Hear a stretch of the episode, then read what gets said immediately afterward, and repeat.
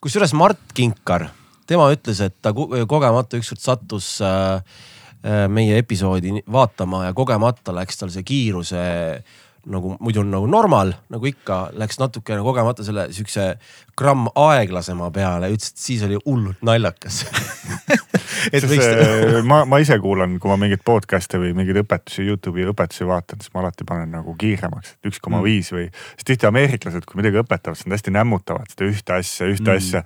siis no sõltuvalt rääkimiskiirusest sihuke kaks või üks koma viis on jumala hea ma, ma pole seda veel teinud, aga ma tean, et paljud teevad seda no,. hästi arusaadav peab olema jutt, siis saab nagu noh, ei tohi nagu diktsioon halb olla ja siuksed asjad, eks siis on nagu hea. mingeid lektoreid kuulata võib olla jumala mõnus ei, mul ongi see, et ma tihti vaatan mingisuguseid äh, seoses oma tööga neid mingisuguste LMS-ide õpetusi näiteks, et ma, ma otseselt ei pea neid kasutama hakkama.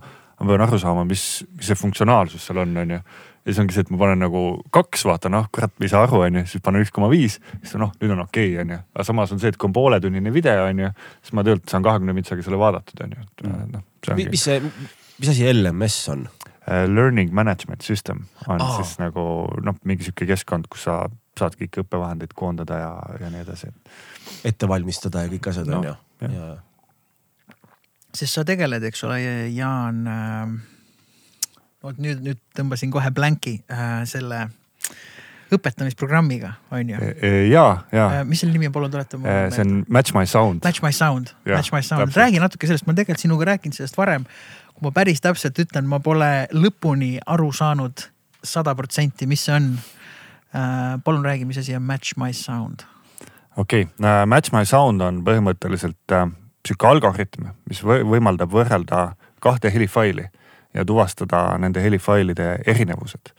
ja nüüd, kui me oletame, et see üks helifail on justkui nagu õpetaja esitus, mis on nagu oletame siis ideaalne esitus, nii palju kui ta saab olla. näiteks sinu esitus. noh, oletame okay. jah. ja teine helifail on siis see õpe, õpilase helifail. ja siis see ta võrdleb neid kahte helifaili ja ta saab nagu õpilasele kohe automaatselt tagasisidestada, et näed, siin sa läksid kiiremaks, siin sa läksid aeglasemaks, siin sa mängisid valesid noote. ta isegi ütleb ära, mis valed noodid olid, et ja mida oleks võinud mängida, on ju. ja seda et, teeb algoritm ise automaatselt või pead sina selle veel üle käima kuidagi? ei, selles mõttes seda juba algoritm teeb täiesti automaatselt, et ja siis seal saabki teha harjutusi. õpetaja teeb mingi harjutuse, näiteks ma ei tea, heliredel, mängib selle sisse, saadab õpilasele õpilane mängib siis oma versiooni sellest heliredelist ja siis kohe saab tagasisidet ja siis ongi ennem kui ta selle harjutuse õppija, õpetajale tagasi saadab, siis ta saab juba aru, et ahah, et siin ma ei tea, ma tegin midagi teistmoodi. et isegi see käitub nagu filtrina selles mõttes, et õpe, õpetaja ei saa mingisugust täiesti suvaharjutust, vaid juba nagu siukse veits nagu tagasisidestatud harjutuse. mis tähendab, et sa ise pead selle väga hästi sisse mängima, on ju. no nii hästi, kui, kui ma oskan seda jah, et selles mõttes, et seal saab muidugi valida ka erinevaid äh, nii-öelda etalonfaile, et üks variant on valida siis äh, see päris nagu õpetaja esitus, aga teine variant on, kui sul on näiteks noot sellest harjutusest, siis sa paned selle midi heli, mis on nagu täpselt nagu noh, ütleme nii, et on grid nagu, et metronoomiga täpselt ja pitch on ka täpne on ju et eh, noh, ma olen ise proovinud vastu neid midi harjutusi mängida, et suhteliselt raske on see sada protsenti kätte saada. mis sulle algoritm ütles, kuidas su skill on? no üldiselt ma, ma saan ikka hästi hakkama, et tavaliselt rütmiskoori ma saan nagu sada no,. parem oleks jah, aga noh, heliskooriga on nii ja naa, et noh, kitarr on sihuke pill, mis ei saa ju kunagi sada protsenti hääles olla võrreldes midiga. et siis sealt nagu noh sada protsenti saada heliskoori või heli kõrguse skoori on väga raske. sihuke üheksakümmend üheksa, üheksakümmend kaheksa on nagu tavaline see on väga äge, see firma on juurtega Eestis ka, eks ole? ja, et seda kunagi alustas eh, Kristo Käo ja Margus Niitso eh, ja Raul Taremaa, et nemad hakkasid seda tegema. no ja siis mingi hetk ikkagi ameeriklased ostsid ära selle ettevõtte. ja nüüd nad siis noh, on kõvasti laienenud, et see arendusmeeskond on ikkagi Tartus aga kõik nii-öelda müük ja turundus ja nii-öelda juhtimine on Ameerikas. kas seda kasutavad koolid, nagu muusikakoolid või tavalised koolid või ütleme, kus on see kõige suurem rakendus sellel? Äh, jah, ma arvan, et kõige rohkem kliente, kui ma ei eksi, on siis äh, School of Rock on Ameerikas sihuke suur nii-öelda muusikaõppe kontsern või ma ei oskagi öelda, kuidas seda nimetada.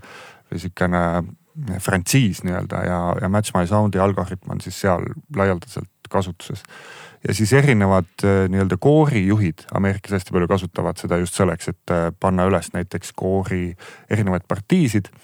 ja siis äh, nad saavad nagu justkui proove teha nagu läbi selle Match My Sound'i, et igaüks saab ise harjutada oma partiid ja salvestada seda. et just eriti aktuaalseks muutus see teema siis, kui koroona tuli, sest et koore ei saanud nagu teha enam nagu niimoodi avalikult, et seal Ameerikas võis olla isegi juhtumeid, kus on siuksed pluss viiskümmend äh, nii-öelda koorilauljad on ju. ja, ja siis lihtsalt äh, nii-öelda viis protsenti näiteks koorist suri ära sest et nad olid riskirühmas ja kui sa oled lauluproovis, sa hingad kogu aeg väljapoole mhm. mm -hmm.. et seal see koroona levis nagu kulutuli.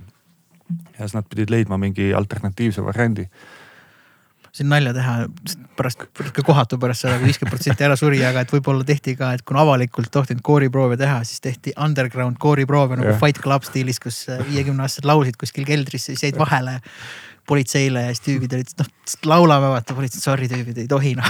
see ongi underground mees, core nice core et praegu kõik räägivad, jah ikkagi koroona ajal ikka me ikka litsime edasi vaata ja ikka me olime trood vaata, ikka tegime proovi täpselt. väga äge, väga kihvt, väga kihvt äh, programm ja mul on, me oleme vist vestelnud sellest, nüüd ma tean täpselt. No ta võimaldab veel väga palju, et see nii-öelda helifailide võrdlemine on see põhi nagu funktsioon, aga noh, seal on ka selleks, et seda teha, on ka palju ilmselgemad funktsioonid, näiteks see, et on võimalik sünkroniseerida siis helifail koos siis äh, noodi failiga, et sa paned mängima, sa näed täpselt, kuidas see noot liigub, on ju ja, ja siis sa saad ka kuulata, et kuidas see nagu toimib, on ju.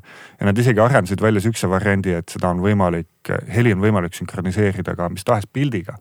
et näiteks kui mõni õpetaja, õpetaja eelistab kirjutada käsitsi noote, siis põhimõtteliselt skännid selle noodi sisse ja ja paned selle nii-öelda timeline'i ikka jooksma selle käsitsi kirjutatud noodi peale, mis on eriti äge minu meelest, mm. et paljudel õpetajatel on hästi sihuke iseloomulik käekiri või sihuke kihvt, palju kihvtim kui mis tahes noodistustarkvara sihuke väljanägemine.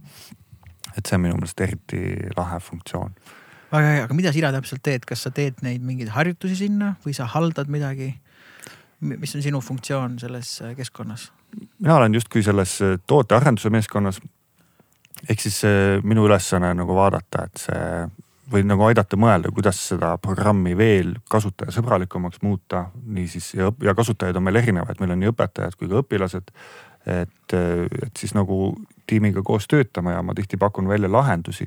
sest et ma kasutan õpetajana väga palju seda, mul on hästi palju õpilasi, kes seda kasutavad ja ma nagu näen tihti neid valukohti, mis seal nagu tekivad ja siis ma nagu tagasisidestan ja me mõtleme lahendusi, et kuidas, kuidas seda asja veel nii-öelda ägedamaks ja sujuvamaks muuta ja noh, eks see põhifunktsioon töötab juba väga hästi, aga eks me näeme, et seal on arendust veel nagu aastateks.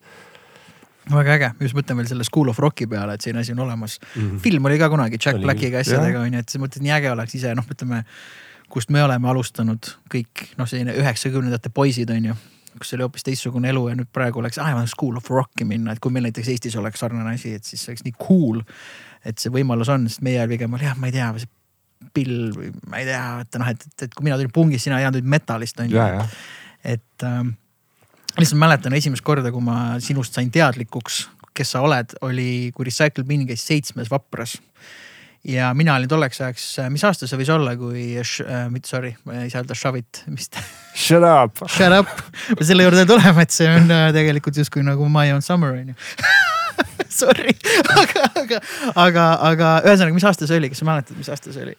ma pakun, et see äkki oli üheksakümmend üheksa võis olla üheksakümmend üheksa, mina olin tolleks ajaks juba punkbändi, ma hakkasin tegema. või kaks tuhat algus, vabandust kuskil sinna kanti. viimane, viimane ots, seitse, seitse, viimane ots, viimane ots ja. ja meie olime jõudnud oma, oma bändiga, kas punkbändiga võimalik, et ma tegin juba ka Aidest kus me olime varjupaik ja mingid need lood salvestanud, kus me olime, et davai. noh, et, et see on nüüd piisava kvaliteediga ja piisavalt äge, et see võiks küll nüüd seitsmesse vaprasse saada, sest muidu olidki nagu ainult ainult äh, mainstream artistid või noh, kes sinna sattus mingeid veidrusi, aga. no levimussi äh, otsad peamiselt. aga kui sa oled kuueteist, viieteist aastane poiss on ju, siis Seitse vaprat tundub see promised land ja see võimatu, mis saab mm. võimatuks ja kui sa oled nüüd proovi teinud, lugusid kirjutanud, salvestanud selle kuskil heas kohas ja tunned, et nüüd me oleme valmis ja siis sa näed pühapäeval Recycle Bin on kurat seal saates on ju, et, et, et kõige esiteks positiivne emotsioon, et keegi tegi ära või keegi mm., keegi jõudis sinna nii-öelda underground'ist, et keegi tegi võimatu võimatuks, see oli nii inspireeriv ja teistpidi oli selline maru kadedus siin, kurat nagu need tüübid jõudsid esimesena sinna mm, -hmm. sest oleks tahtnud nagu ise olla esimene ja siis ühesõnaga noh, ma ei teadnud, kes sina oled, aga ma, see bänd sai mulle nagu teadlikuks, on ju. ja juba selles vanuses, sorry ma pean selle nalja ära tegema, oli see, et okei okay,, shut up, aga kas nagu, kas ei ole täpselt nagu Deftonsi My Own Summer on ju või, või Shovit tähendab, sorry. My Own Summer Shovit vist ongi selle loo ah, nimi. sulgudes on Shovit. et kas see oli teadlik või lihtsalt ütleme, tegelikult ma ütlen, et see täpselt sama, aga see on väga sarnane ja see on tegelikult väga cool, et see on väga sarnane. Te refereerisite, on ju, Deftonsi kuidagi läbi oma loomingu, mis noh, ongi ju käib, aga lihtsalt. ei no kui ma nüüd ausalt nagu jah, tunnistan üles, et see nagu suht ongi üks-ühele, et nii vormiliselt kui ka rihviliselt kui ka sõnaliselt selles mõttes, et see oligi täpselt sihuke noh, vaata kui sa noorena teed muusikat eh, või, või noh, kui meie nagu tegime, siis me lihtsalt üritasime kuskilt nagu otsa lahti saada oma loominguga ja, ja me nagu ei põdenud väga selle pärast, mille moodi mingi asi kõlab, me lihtsalt mm. tegime e,. täna, kui ma kirjutan mingit muusikat, siis ma ikka mõtlen sellele, onju, aga tol ajal minu meelest nagu oligi see, et oh, teeks mingi sihukese riffi ta oli, ta oli küll hästi sarnane, aga vahet ei ole, et meil oli piisavalt teistsugune onju, et, et just, just täpselt niimoodi, et ta ei ole sama lugu, aga saab aru, kust see inspiratsioon väga selgelt on tulnud onju. aga see on väga äge, see ongi väga kihvt, see on, see on väga kihvt, siis öeldakse isegi ju, et esimene plaat bändina peegeldab sinu mm -hmm. plaadikogu.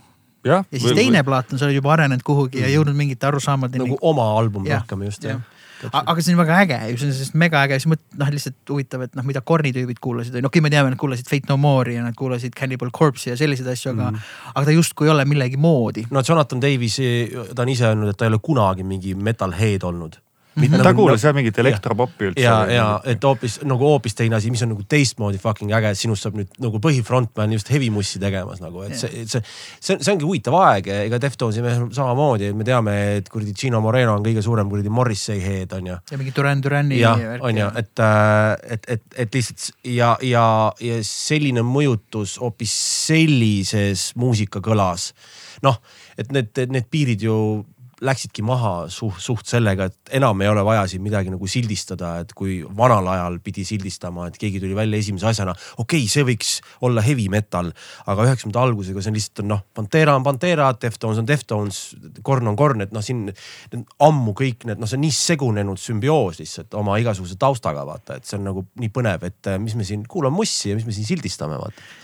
mingi kokteili tegemine. jah, kokteili tegemine põhimõtteliselt. katsetame. räägiks Panterast korraks, mida on Jaan on rets Pantera Pantera fänn ja, ja Jaan ka nagu minu Pantera mulli nagu tegi katki hetkeks, et äh, jumala inimestele rääkinud sedasama lugu, mis sa mulle rääkisid, et Pantera ei, ei alustanud sealt kus me teame, mis see Pantera no, praegu, äkki Jaan oskab valgustada. noh, ta oli ikka sihuke glam metal selles mõttes. mega glam metal noh, ma ei tea, kas päris roosad kitarrid olid, aga peapaelad ja siuksed lokisjuuksed ja kõik see, kõik see värk ühesõnaga, et väga glam oli, esimesed neli plaati oli Pantera siukene glam ja siis Nad olid nagu ikkagi üsna soliidses eas juba, kui nad avastasid, et võiks nagu veits teist asja teha, et juba nagu kogenud muusikud. Mm.. kas see lugu oli, et äh, stuudios Phil Anselmo tegi seda häält, mis ta nagu praegu laulab, sa räägid ise selle loo, mäletad seda, sina rääkisid ju mulle seda, muidugi rääkisid, keegi teine ei saanud rääkida no,. ma ei, Phil Anselmo hääle kohta võib lihtsalt seda öelda, et see, selle mehe hääl on nagu aastatega heas mõttes degenereerunud nagu iga plaadiga, et, et kui esimese plaadi seal Cowboys from Hell'i peal tegi ikka kõrgeid falsette ja noh, siukseid, mida mitte keegi teine ei suuda teha, siis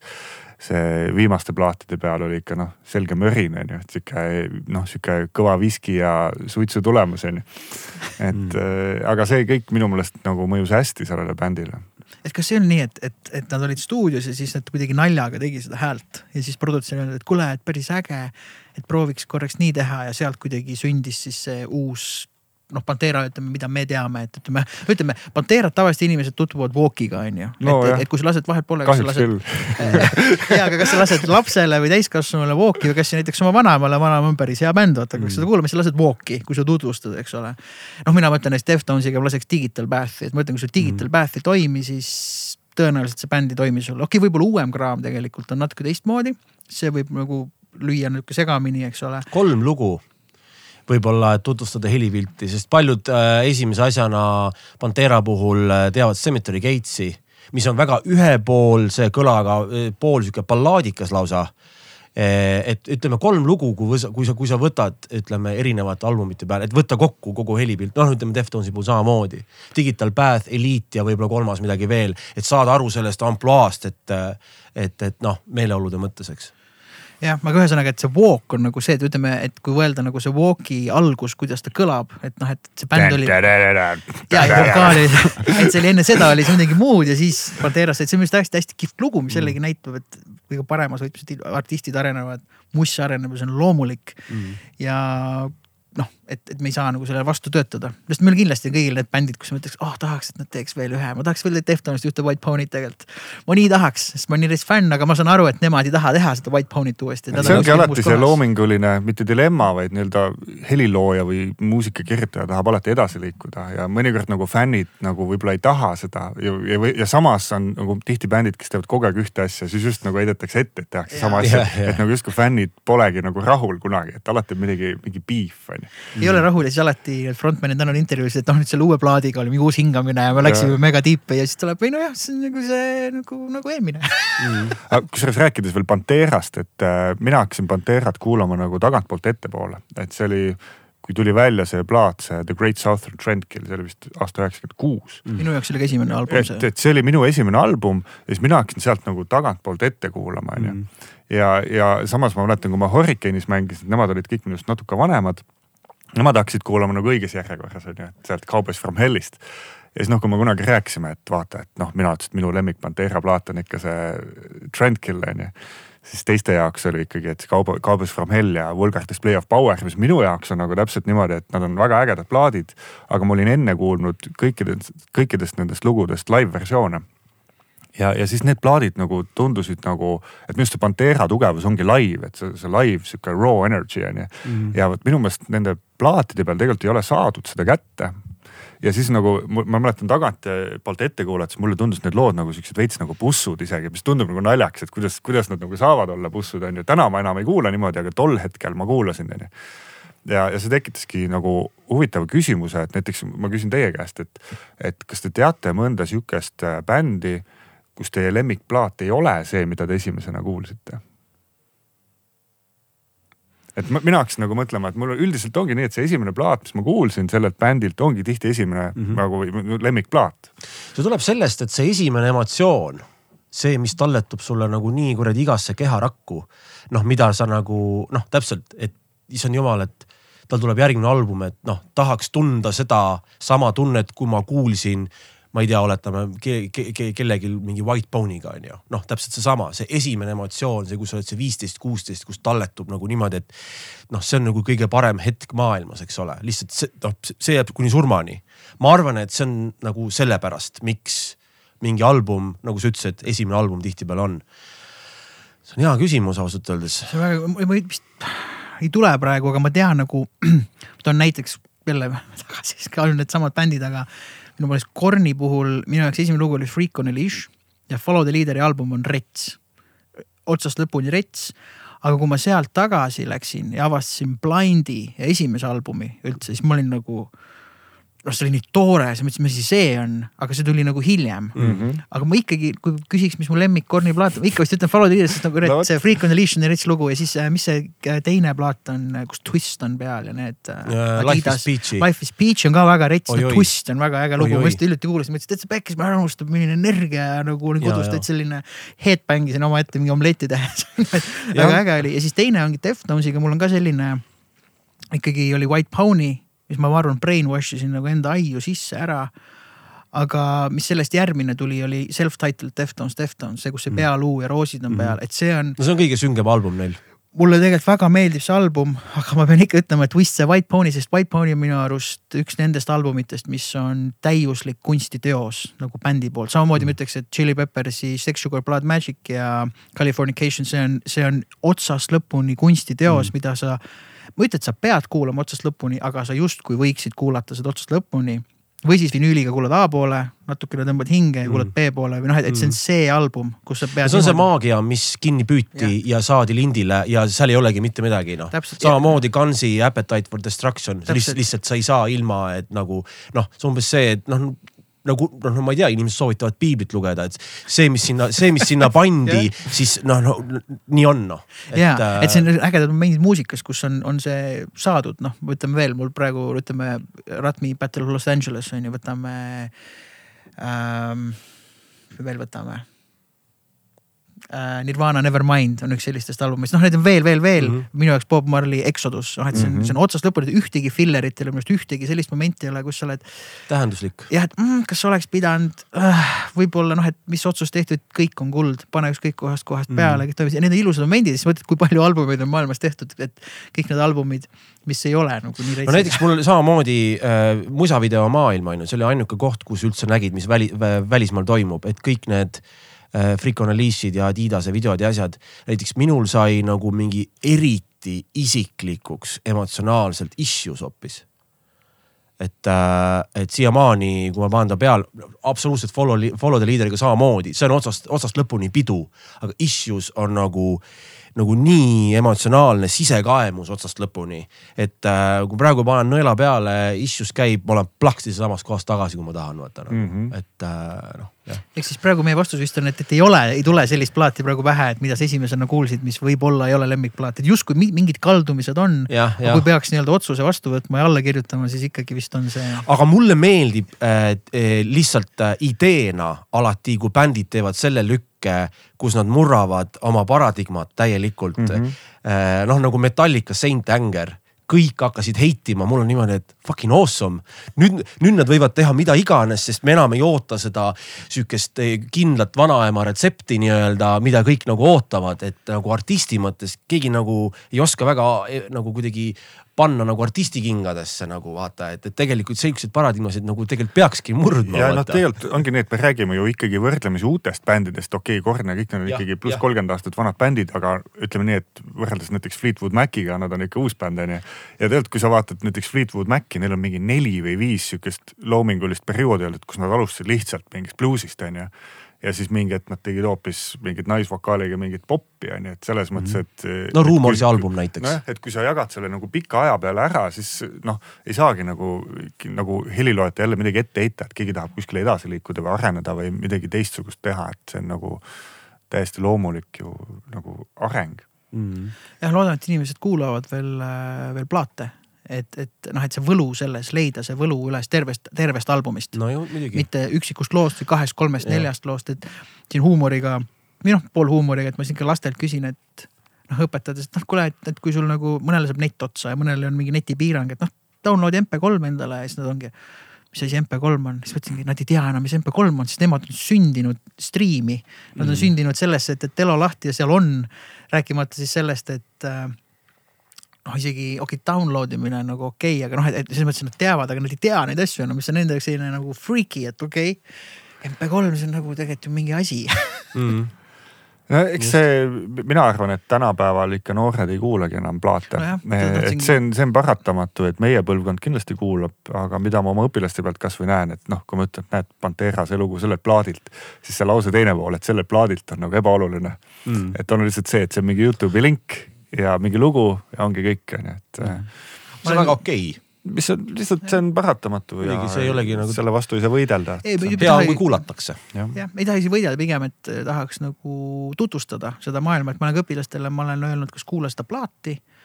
näiteks ma olen hästi palju soovitanud äh, Battle of Los Angeles't just kuna seal on ägedad trummikruuvid lihtsalt mm., mis on ka mängitavad enamik no nagu... jah, ainult Brad Wilkile selliselt. ja ei no jah, aga, aga ütleme, kui sa oled kaks-kolm aastat trummis käinud ja oled juba teemas, siis sealt ja, ma juba saan sulle niimoodi, et okei okay,, kui sa veits veel pingutad, siis me mängime siit mingid asjad mm. ära, aga kogu aeg vastus on olnud selline äh, mm., ei feel'i, mis on minu jaoks veider, et tüüpidele meeldib nagu rokkmuss näiteks Van Haleni Jump läheb kõigile peale või mm -hmm. näiteks veidralt äh, populaarne lugu siiamaani on Iron Maideni Run to the Hills okay.. No ja, ja teine lugu, mis on mega populaarne, on ikkagi Eye of the Tiger, ma räägin siin hetkel äh, siis ma ei tea, sellistest kümneaastastest, kes on sündinud kaks tuhat kaksteist ja see Eye of the Tiger on kas seitsekümmend kaks või noh, midagi mm., midagi sealkandis, eks ole, et see ikkagi kõnetab. et ja, mis lugu. ma tahan sellega öelda, et rokkmuss on ju mm. äh, kõik teema, räpp megateema ja noh mm., ja Ratm ongi mingil määral see rokk ja see räpp kokku pandud, aga mitte keegi pole tulnud tundi tagasi öelnud ja mega, kõik on olnud, näe, me ei tea, pigem, pigem mitte. aga plaadi kuulamine võtab ikkagi sihuke nelikümmend viis mintsa kuni tund. noh, noortel ma kahtlustan, et sihukest nagu aega tänapäeval ei ole, et, et nad kas kogu aeg on kõik täis book itud, on mingi trenn, mingisugune tund, mingi sõpradega häng, mingi SMS või ma ei tea, mis mingi suhtlusplatvorm on ju. et noh, ma arvan, et kui me olime noored, siis äh, see oligi nagu ajaveetmisvõimalus, sul ei olnud võimalik kuskile scroll ima minna või, või mm. kuskile netti lihtsalt vaatama mingeid asju. minul oligi meelelahutuse õhtul see, et ma vaatasin, noh, mis plaadid mul on, mul oli mingi kokku, ma ei tea, kümme plaati onju. oh täna kuulaks seda, teine päev kuulasid jälle sedasama plaati onju mm et. Äh, aga läheks tagasi Recycle Bin'i juurde, sest sa võtsid hästi otsa, otsa lahti, et siis kui ma noor olin äh,. Noh, kindlasti sul on meeles, et kuidas see algus oli, ma mõtlen, et äh, kui palju teid alguses oli ja, ja üldse need esimesed siuksed lood ja müra tegemised äh, nii-öelda proovikas ma võib-olla isegi liiguks natuke enne Recycle Bin'i, meil oli sihuke bänd nagu Vipera, et nagu Pantera, Vipera mm,. aus muidugi oli. ja, ja seal siis äh, Recycle Bin'i koosseisust oli siis äh, Robbie Vaigla, et me olime Robbiga tohutud kidraentusiastid äh,, rocki ja metalli entusiastid, et me mm.. las nagu... ma arvan, kust see side tuli no eks ikka papside kaudu. no ikka, ikka muidugi. tunneme juba üksteist väga noh no, varasest noorusest juba aga ühesõnaga sealt me hakkasime nagu tegema, trummi mängis Juss Haasma, laulis Ants Sarv. et sihukene bänd oli, aga see bänd oli nagu hästi üürike, et sealt juba edasi kuidagi.... kas see oli esimene bänd sul või? see oli mu esimene bänd jah. ja mis aasta võis olla, üheksakümmend kuus, üheksakümmend seitse?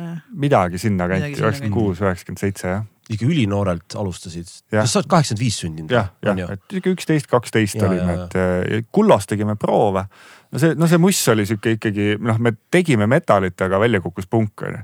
Mm. et see on nagu tüüpiline see metallibändi algus on ju. see tähendas seda, et kõigepealt tuleb pungist aru saada, et see on nagu hea ajend vaata, et üldse kuhugi minna no see ongi lihtsalt see skill'i piirang on, et, et tahaks osata midagi, aga ei oska, siis teed punki ja see on see vabandus miks ei oska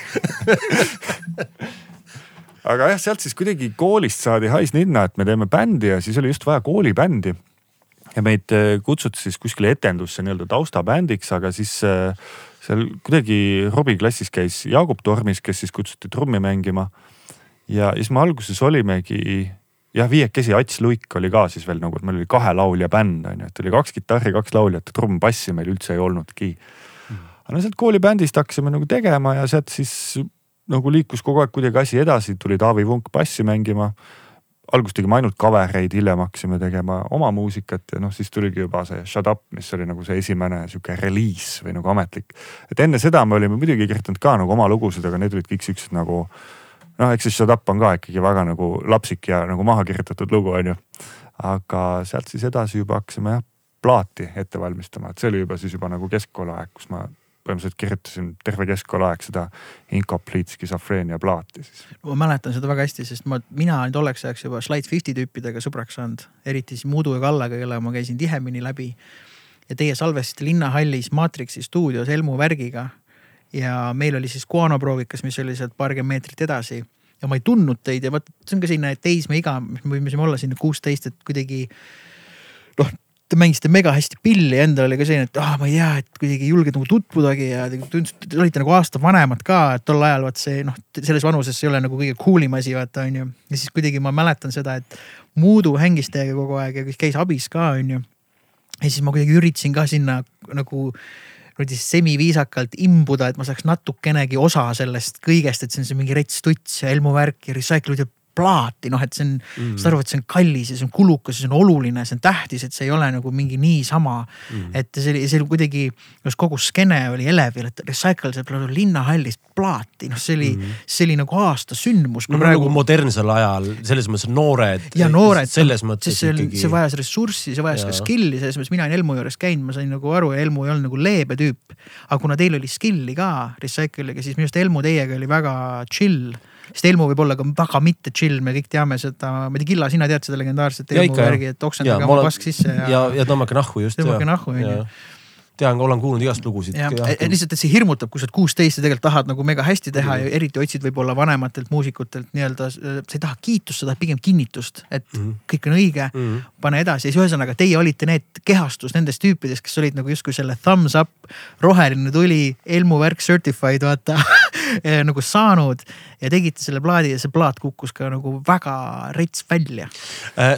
korraks segan vahele, vaata Facebookis kunagi hiljuti sina vist levitasid mingid fotod, kas see on sellest samast plaadisessioonist või?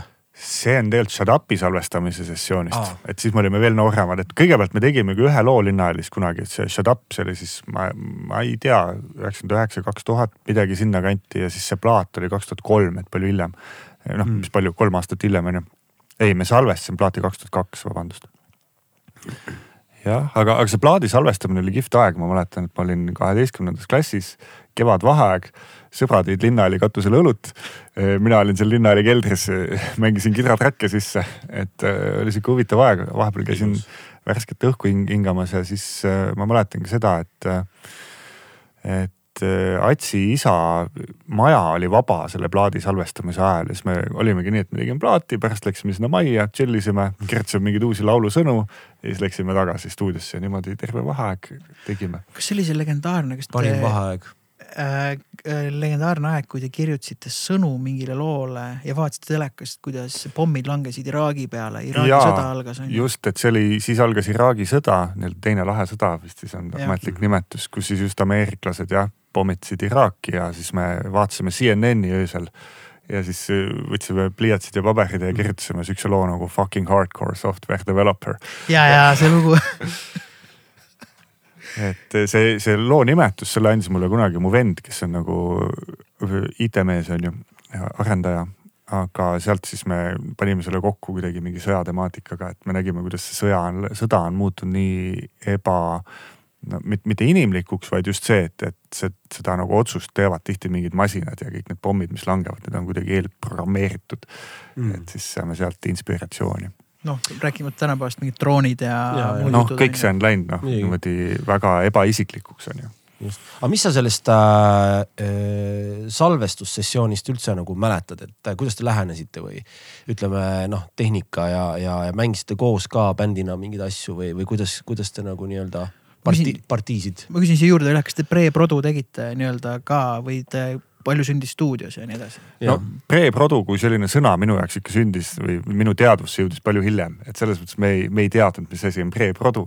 aga kuidagi alateadlikult me selles mõttes tegime, et meil olid kõikidest lugudest ikkagi eelnevalt tehtud mingid nii-öelda arvutitrummidega demod ja me olime ikkagi proovis harjutanud neid asju, me tihti ikkagi arutasime, kuidas saaks veel teistmoodi, kuidas saaks veel ägedamalt, onju. aga siis me ikkagi stuudiosse läksime ikkagi suhteliselt nii, et ega meil mingeid noh, click-track'e ei olnud või, või kuidagi mingeid siukseid asju ei olnud ja, ja kusjuures seesama lugu, see fucking hardcore software developer oligi niimoodi, et see sündis põhimõtteliselt vahetult enne stuudiosessiooni et Jaagup õppis kuidagi trummid ära, ta ei olnud, meil, meil kunagi seda lugu kokku mänginud. ja mäletan, kui see lugu oli valmis, siis Jaagup tuli stuudiosse, küsis, aga mis lugu see on et ta, ta, ta ei olnud nagu seda tervikut kunagi kuulnud, onju mm. aga üldiselt jah, vastuseks su küsimusele, et siis äh, me salvestasime esialgu lihtsalt umbes üks kitarr, bass ja trummid koos mm, -hmm. millest jäi lõpuks alles ainult siis see trumm ja siis tegime kidrad pärast peale. Suht ma arvan, nagu standard sihuke mm. noh, tänapäeval lihtsalt on nagu kõik nagu kliki järgi, me panime nagu otse. see on väga okei, et klikki ei ole. ongi niimoodi, panitegi. meil, meil mingit klikki ei olnud, see võib-olla mingid lugude alguse tempod me nagu võtsime, onju, aga üldiselt mm. see, see plaat on tehtud, kui ma ei eksi, minu meelest ilma metronoomita. mega, see kui see, see Ligi plaat oleks börsil, siis selle aktsiad oleks praegu läinud just. kuidas, kuidas laivis, ma mõtlen, noh, selles mõttes, et kindlasti te tegite proovi, sest, sest te olite ikkagi nagu nagu no, ikka väga decent bänd, see tähendab seda, kui bänd on decent, tähendab seda, et, et nad prooviruumis ongi ja nad saavad hästi läbi musikaalselt ja teevad kogu aeg paad hullu. et ega see nagu laivis, noh, ma mõtlen, et me võime minna stuudiosse, tehakse eraldi kõik needsamad asjad, aga noh, stuudios on kõik äge, aga nüüd me hakkame laivi andma, et kas nagu laivis tuleb ära, noh ilmselgelt teil tuli ära, et ma mõtlen, et, et kas, et, et kas nagu laivi anda ikkagi oli pigem fun või? oo oh,, Pinni laivid olid alati väga fun, selles mõttes ma noh, mingi suht null põdemist mm.. et äh, lihtsalt tegime oma asja ja ma arvan, et see oligi see meie puhul see nagu äge asi, et me nagu oma olemuselt olime hästi rock n roll just tänu sellele, et me ei mõelnud üle mingite click track'ide või back track'ide või igast muude track idega. et lihtsalt noh, läksime ja mängisime. hiljem meil juba tulid mingisugused äh, mingid back track'i ja click track'i asjad ka, mis minu meelest nagu tõmbaski natuke alla nagu seda mm. energiat on ju, et pidid mõtlema mingile muule asjale aga kuni sinnamaani ma arvan jah, kuni see mingi kaks tuhat seitse, kaks tuhat kaheksa me ei, me ei kasutanud midagi. siis, kui Muidu oma süntidega tuli, siis juba läks liiga produmiseks ja. ei no siis ka vist, et ma ütlen, et mi, ma, ma nagu täpselt kogu, kogu asja ei mäleta, meil mingid Mm. laivid olid backtrack'iga, aga siis kui Muidu jälle tuli, siis me ei teinud enam klikiga on ju. Jällegi, et me tegime ilma, et. No see on, ütleme, et see on aus bändi tegemine, ongi see kehastus, lihtsalt come on, et noh, prooviruumis me teeme siin müra ja kõik toimib ja nüüd me läheme siis laivi tegema, et milleks nüüd see klikk, et noh, sellepärast me olemegi kultus, et äh, lihtsalt me noh, ongi kehastus on meil nii, et mingeid kuradi klikke meile meeldib ja kogu lugu ei no.. no väga äge mõelda, et kui sa tegid ilma klikita, pärast mängisite kidrad üle ja kui hästi see plaat tegelikult toimib siiamaani, et ma pean nüüd uuesti kuulama hoopis uue pilguga selle plaadi üle, et ma ütlen, sarnane plaat on äh, mina avastasin hoopis hilisema asja, see ongi Chili Peppersi Californication. ma saan aru, et see on jämmi ja selline fungi sugemetega bänd ja, ja nad tegid ilma klikita selle plaadi, sa kuuled seda kõikumist ja see on ilus. no selles mõttes sa kuuled seda siis, kui sa teadlikult üritad seda tähele panna. ja siis see tuur, mida nad pärast tegid, see Californication'i tuur, kõik tüübid ajasid kiilakaks ennast mm.. Nad selle tuuri panid ka ilma klikita ja kõik olid esiteks jälle põkki tõmmanud mm.. ja ma, Chad Smith, suur tüüp on mm., eriti kuidagi selline oh, selline sõdalane nägi välja ja siis olid äh, vestid äh, olid nagu tavaliselt seljas, noh ära lõigatud selline noh, nagu on Chili Peppers mm. ja see oli nii toores ja see oli nii äge. Nüüd tuleme sinna Kotsa juurde, et kuidas sa piletid müüksid ikkagi ilma klikita vaata aga lihtsalt, et, et aga, aga see oli mingi äge ajastu, kus võeti nagu riske. võib-olla mm -hmm. Chili Peppers siiamaani veel klikita, ma ei ole tegelikult süvenenud ma niimoodi. ei imestaks seda, kusjuures mm. kõik Pantera plaadid on ka tehtud ilma klikita. et äh, ja, ja see, samas ma kuulad seda The Great Southern Trendkilli, siis ma nagu noh, noh minu arust seal ei ole isegi seda loomulikku kõikumist või kui on, see on nagu väga noh, hea mm. groove, aga nagu lava. jah, ma mäletan, kui ma lugesin mingit Dimebagi intervjuud, kus ta ütles, et noh, kõik on tehtud ilma klikita, see tundus nagu, et see ei ole võimalik. et see on nagu lihtsalt nii tight, aga ongi, kui trummar ja kidramees on vennad, on ju. ja üldse, kui sa veedad palju aega koos, nagu me just Raul Ojamaaga rääkisime, et, et mis tänapäeval, kui sa ei tee bändi, vaid produd ja teed mussi, siis ikkagi saadad, saadad faile. Aga bändi tegemine ikkagi ühes ruumis viibimine teise inimese selle ma ei tee vibe'iga. bändi, ma saadan faile. aga on nii, no ma ütlen, näiteks ma rääkisin Kostjaga äh, Konstantin Tšebolevski, Levski tüübiga siin on ju, me oleme Kostjaga alates kuueteistaastasest saadik mänginud ja parimad sõbrad olnud ja mussi teinud. ja isegi kui me hakkasime Levskit tegema, mille praegu tegemine on suiku jäänud, siis noh, varem me saime kokku ja mängisime läbi, mängisime tunde, mängisime hästi palju pilli, vahepeal tegime pausi, käisime söömas, tulime tagasi, mängisime kaks tundi pilli. üritasime mingid kruuvid paika saada, õppisime tegelikult tundma üksteise tunnetust aastaid. ja isegi Levski lõpus läks see, et Kostja pani Drive'i üles, mina omaette harjutasin siin ja siis me tegime proovi ja siis me proovis mängisime mõned korrad läbi. noh, kõik on professionaalsed muusikud, see ei olnud probleem. aga sa ei veetnud seda aega koos, sa üritasid lihtsalt nagu kõik koos sellega tublisti maha saada. mis, mis tuligi tublisti maha, sest me kõik oleme professionaalid. aga, ja me oleme Kostjaga väga palju rääkinud sellest, et kuule lihtsalt saame laupäeval kokku kaks tundi, lihtsalt paneme kidrabass ja ma ei tea, vaatame, mis saab seda ei olegi teinud, see on nagu hirmus, seda peakski tegema, see ongi see bändi tegemise mõte, mis ma sellega nagu öelda tahan, et kui mõtleme need Panterad ja kõik ilma klikita asjad, sest noh, nad veetsidki koos aega No no,, ongi, mis noh. ongi bänd, mis on Muidugi. tegelikult noh, band of brothers või selline gäng tüüpe, kes on mingi sa- sarnaste põhimõtetega ja sa- seisavad sarnase asja eest ja tahavad läbi mussi väljendada sarnast mõtet ja siis, kui sa elad seda kogu aeg läbi, siis ilma klikita toimibki. ma just lahendasin, kuidas mängida väga heas taimis teiste inimestega. no just, aga kui sa meenutad äh, laive nüüd äh, või ütleme niimoodi, et kuna nagu tekkis mingi moment, et oh, me läheme oma esimesele mingile tuurile kinda või, või üldse noh, sihuke nagu ringkäigule. ma, no ma mäletan seda, kui Skiso tuur nagu tuli, et see oli iga nädalavahetus oli siis üks kontsert.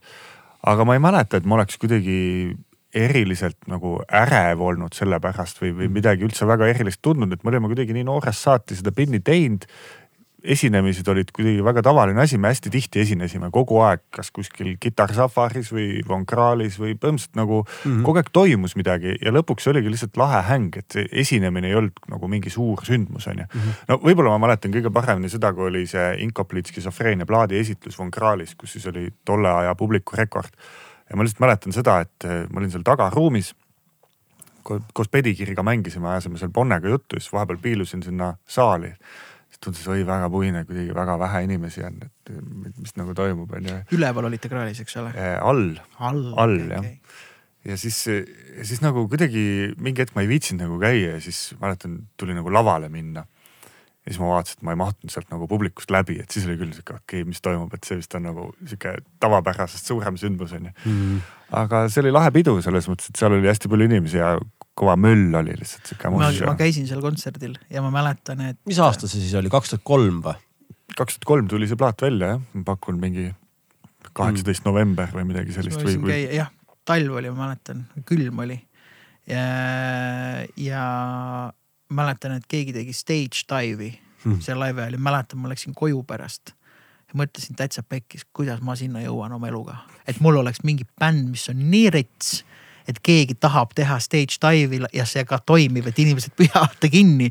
noh, see, sest ma ütlen, see oli nagu unistuste maa, et teie tegelikult kündsite selle vao sealt underground'ist välja, et järsku hakkasid, see andis teistele bändidele lootust, see andis teistele bändidele inspiratsiooni, see andis teistele julgust, noh mhm, kõike mm, -hmm. et, et teha ja minna edasi ja see oli fantastiline, noh et noorte, läbi noortebändi ja läbi nende tuuride ja see oli tõesti nagu väga-väga oluline sündmus tegelikult Eesti muusika ajaloos.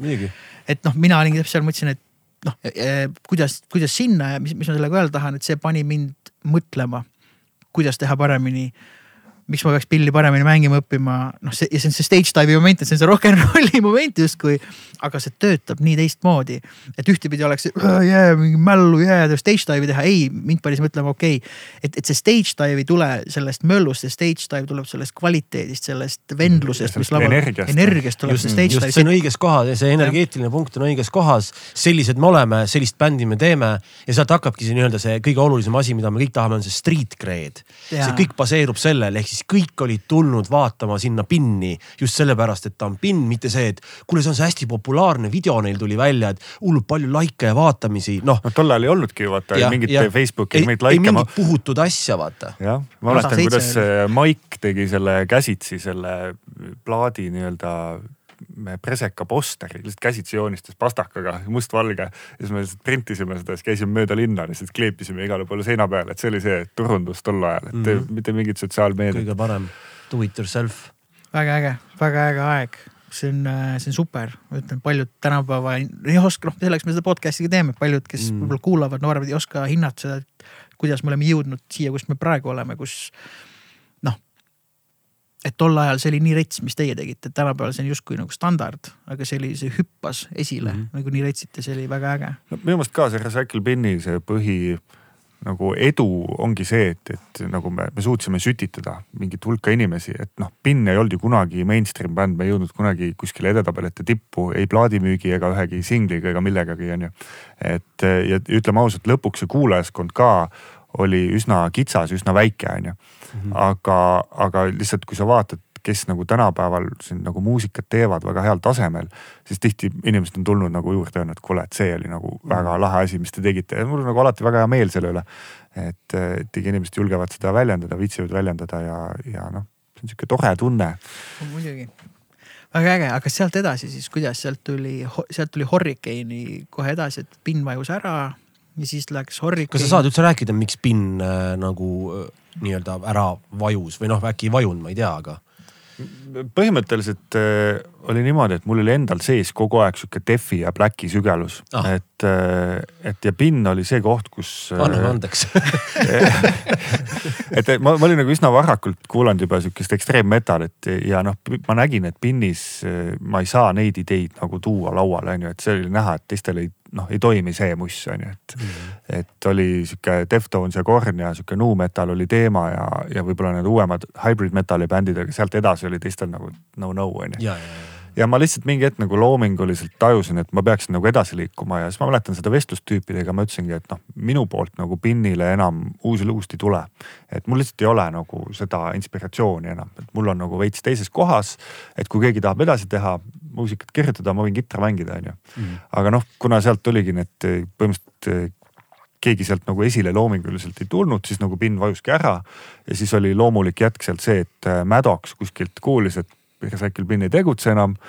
võttis minuga kohe ühendust, just oli see aeg, kus Andre Pihjan läks Hurricane'ist ära ja kutsus siis mind sinna asemele ja ma mõtlesin, et väga lahe, Hurricane oli tol ajal väga toimiv bänd, juba ikkagi label'iga bänd on ju mm..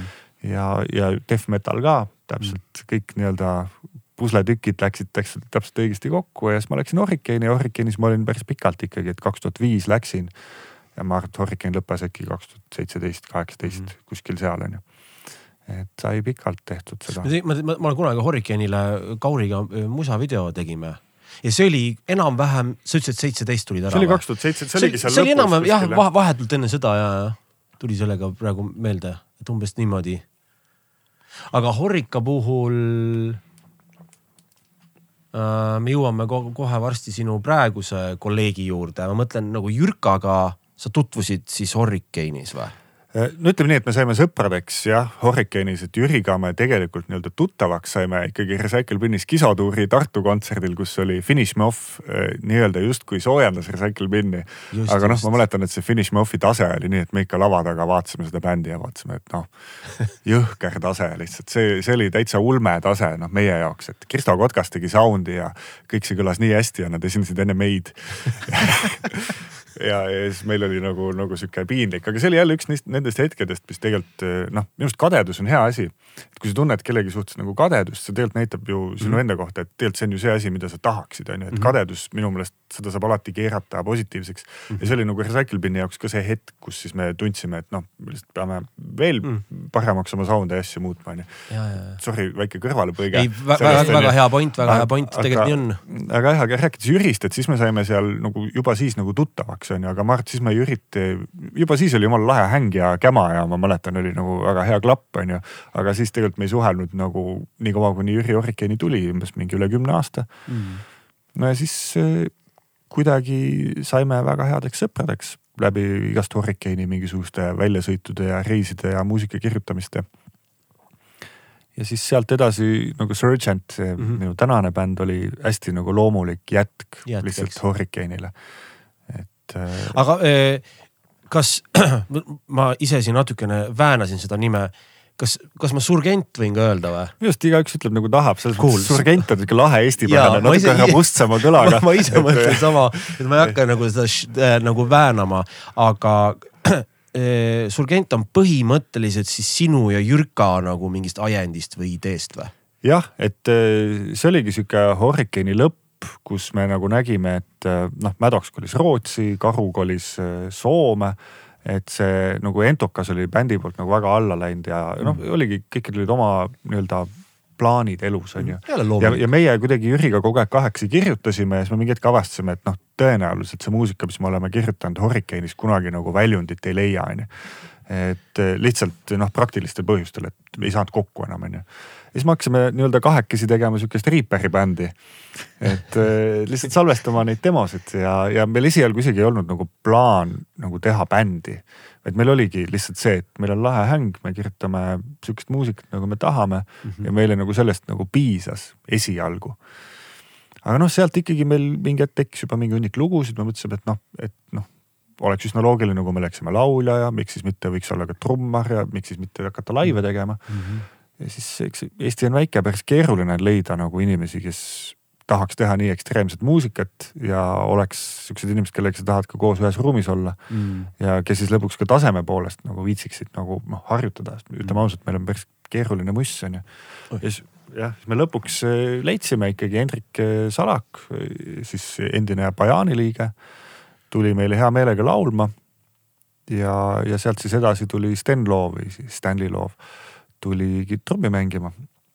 kui keeruline oli Voksi meest leida, ma kujutan ette, et mul on kohati tunne, et, et Voksi meest vist on vaata et kõige keerulisem tihtipeale leida, sest tema nagu justkui hakkab nüüd nagu joonistama kogu seda orkestratsiooni, eks ole just nimelt ja noh, Eesti põhiline probleem ongi see, et on vähe inimesi, veel vähem inimesi, kes teevad ekstreemset muusikat ja mm. tahaks seda teha. ja kõik, kes vähegi head on, on, on juba kuskil bändis olemas, on ju mhm. Ja siis äh, me tegelikult mingi hetk olime täiesti lootuse kaotanud, me olime täitsa mitu inimest juba nagu niimoodi nagu läbi käinud, Facebookis suhelnud, on ju, et kas tahaksid või niimoodi. ja noh, üldiselt äh, ikkagi kellegagi nagu otseselt diili peale ei saanud mm. -hmm aga siis Hendrik kuidagi ise, Hendrik on mul seal Türi tänava stuudios äh, nagu nii-öelda ka üks meie stuudio liikmetest. ja ta kuulas seda Hurricane'i Synthetic Forms'i mm. Ja ta kuulas, et kurat, see kõlab nagu väga hästi, et ta nägi seal nagu seda potentsiaali, et mis nagu Surgent võiks ka olla. et meil olid kõik siuksed arvuti nii-öelda demod, mis ei kõlanud väga hästi. aga tema nägi seda potentsiaali seal ja siis ta võttis lihtsalt ette ühe meie loo ja tegi nagu demo mm. sellest, et kuidas tema kujutab ette, kuidas see lugu Voxiga võiks olla ja me olime Jüriga täitsa nagu blown away, et väga hull, et kus see tüüp nagu, nagu olnud on, et miks ta ei ole kuskil nagu laulnud varem, et see, see oli väga äge. ja me nagu kohe tajusime ära, et Hendrik on see nagu õige tüüp ja, ja ta on siiamaani väga hästi ägedalt panustanud bändi Mhm. arengusse. no omaenda initsiatiivil ka veel vaata. No noh, et just ei- nimelt, nagu et- ei pöördunud ise, vaid tüüp ise hmm,, kuule, ma proovin. jah, Et täpselt nagu äge, et-, minu meelest ka see on kihvt, et just see oma initsiatiivi näitamine, et noh, kedagi ei saa midagi vägisi sundida tegema. ja, ja. mis plaanid teil praegu on? No meil on praegu niimoodi, plaat on juba sihuke üle viiekümne protsendi valmis, et just siin Mm. esmaspäeval said trummid ja bassid nagu täiesti nii-öelda salvestatud ja editud Mm -hmm. et nüüd on kidrad ja voksid vaja teha, et äh, ma arvan, et sü- sügisel tuleb Võiks kõvasti nagu- kontserte ja plaadiesitluskontserte ja vaatame võib-olla mingi väike minituur ka. Aga see nädal on kontsert ju, kuusteist. ja ma just mõtlengi, et teil on Jaa. nüüd ju, te ju annate laive ju, te, te, just andsite laive, ma tean, ma sinna ei jõudnud, aga ma tean, nüüd tuleb veel kellegiga koos vist. ja Tartus äh, vist see erinevate tubade klubi, alguses Ahah. pidi Ateenas olema, aga nüüd on siis see koht muutus Mhm. ja siis koos äh, Ionsi, Ionsi ja Inter Omegaga mängime mis, Tartus mis, mis, mis kuupäev see nüüd on? kuusteist aprill. väga äge, ma kuulasin neid kahte singlit ka, mis te väljas on Surgendiga veel põhjalikumalt, väga retsid sound ib. kas see oli, need, need on äh,, me oleme sinuga rääkinud miksimisest, need olid tehtud mingi legendaarse tüübi poolt miksatud või? ja Peak of Repression, meie esimene singel on tehtud siis äh, Chris Harrise poolt, kes on siis teinud Chimera asju, Revocationit, no hästi palju kuulsaid bände, minu meelest ta on ka Grammy võitnud mingi metalli parima miksi eest või midagi sellist. ja teise singli siis äh, Beast of Prey, selle on teinud Toe Maatsen, kes on siis tuntud Messugahi produtsendina ta veel hästi palju asju on teinud, Mnemikut tegi kunagi need legendaarsed plaadid. Name drop imine toimib nii hästi muidugi. Goosebumps noh. ei no mega hästi ka, ma just, kui ma- kui ma kuulasin just klappidega tähelepanelikum, vaatasin, et selline Fear Factory nagu mõjutusi kuulsin kuidagi ära ja siis, ja siis läheb, pöörab natukene nagu veel tumedama ja agressiivsema poole, siis tuleb justkui tagasi, see on nagu mm. nii äge. et mõnikord minu jaoks death, noh et kui ta on nagu lihtsalt mega hardcore, et siis ta on natukene liiga. Noh, ma väsin väga kiiresti ära et eks kui ta, kuna ta läheb nagu kogu aeg nagu see nool, noole tipp on nagu sellise sünguses nagu kogu aeg, mitte et sünguses midagi viga oleks, et mina ei suuda. mul on natuke sarnane asi on mul näiteks soul muusikaga, sellise väga vokaalse soul muusikaga näiteks mm -hmm. nagu noh, ütleme Macy Grave'i. mis saab väga intensiivne olla. väga intensiivne, mis Josh Stone, et ma saan nagu aru, väga rets asi on, mis toimub, näiteks kunagi Iirisega soojendasime Macy Grave'd Alexela kontserdimajas on ju ja ma olin täitsa pekkis, mis trummar ja noh, väga rets vokalist ja nagu Macy Gray lugusid tead ka aga ma ei, mul tuleb kolmkümmend viis mintsa ja ma olen tuned out, sest ma lihtsalt ei suuda vastu võtta seda mm, -hmm. ma saan aru, et kõik on rets mm -hmm. ja mul on nagu Deathi ja mingite asjadega samamoodi, et ma olin kunagi, ma ei tea, kas Timmu Borgir päris läheb sinna Deathi alla, aga ma kunagi. Black. Black, okei okay,, ma nagu rängalt kuulasin Timmut kunagi, aga mul oli sama asi, et ma suutsin kuidagi selline kakskümmend minutit ja siis mul oli vaja korraks nagu sellist kuusfraaba momenti, et lihtsalt korraks oli vaja linnulaulu minna kuulma või noh, et ma ei, ma ei suuda võtta teda nagu järjest. minu arust see on hea point ja mul endal on ka Defi kuulamisega sama häda, et äh, minu arust Defi kõige suurem häda on see, et esiteks, kui sul on kogu aeg punn põhjas, siis noh, lõpuks ei saa enam kuskilt juurde panna, on ju, nii-öelda hobujõudu juurde ei saa kuskilt.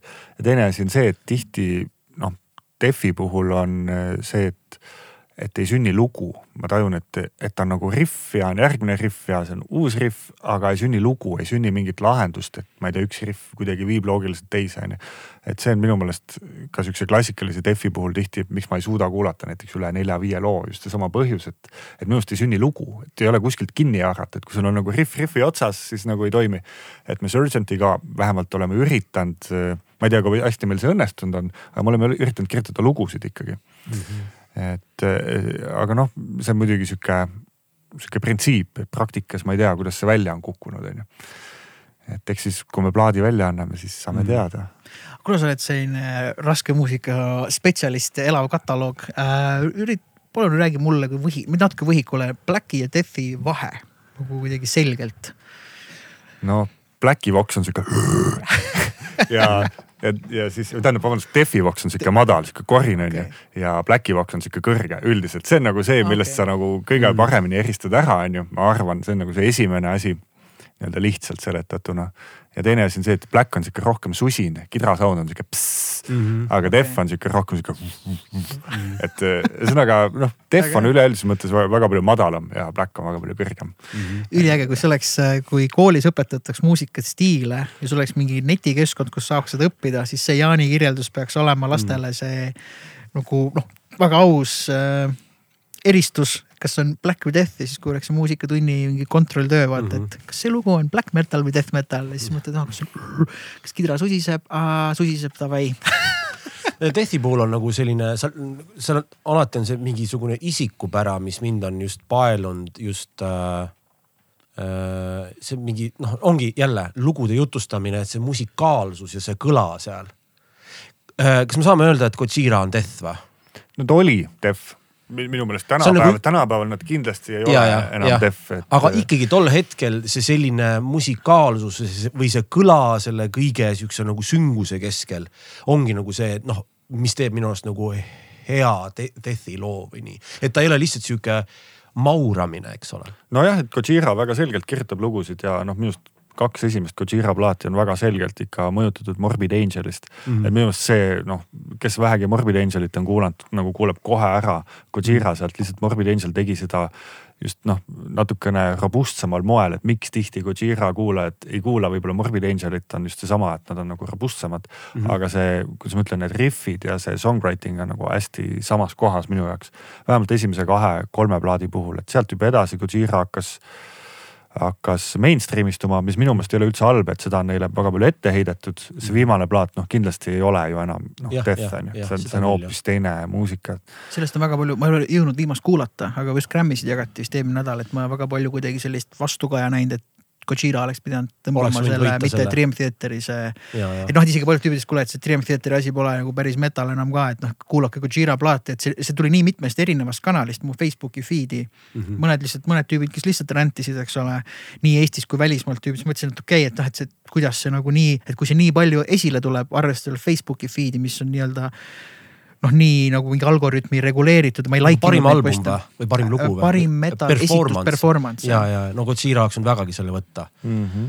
aga endiselt just, et eh, nad jäid ausaks, nad on kogu aeg nagu ausaks jäänud. minu meelest nad on jah hea näide sellest, et kuidas nad on nagu suutnud vaatamata oma kogu sellele uuele muusikale jääda nagu väärikaks või selles mm -hmm. mõttes, et nad ei tee sell out'i, vaid nad lihtsalt teevad muusikat ja loomingut.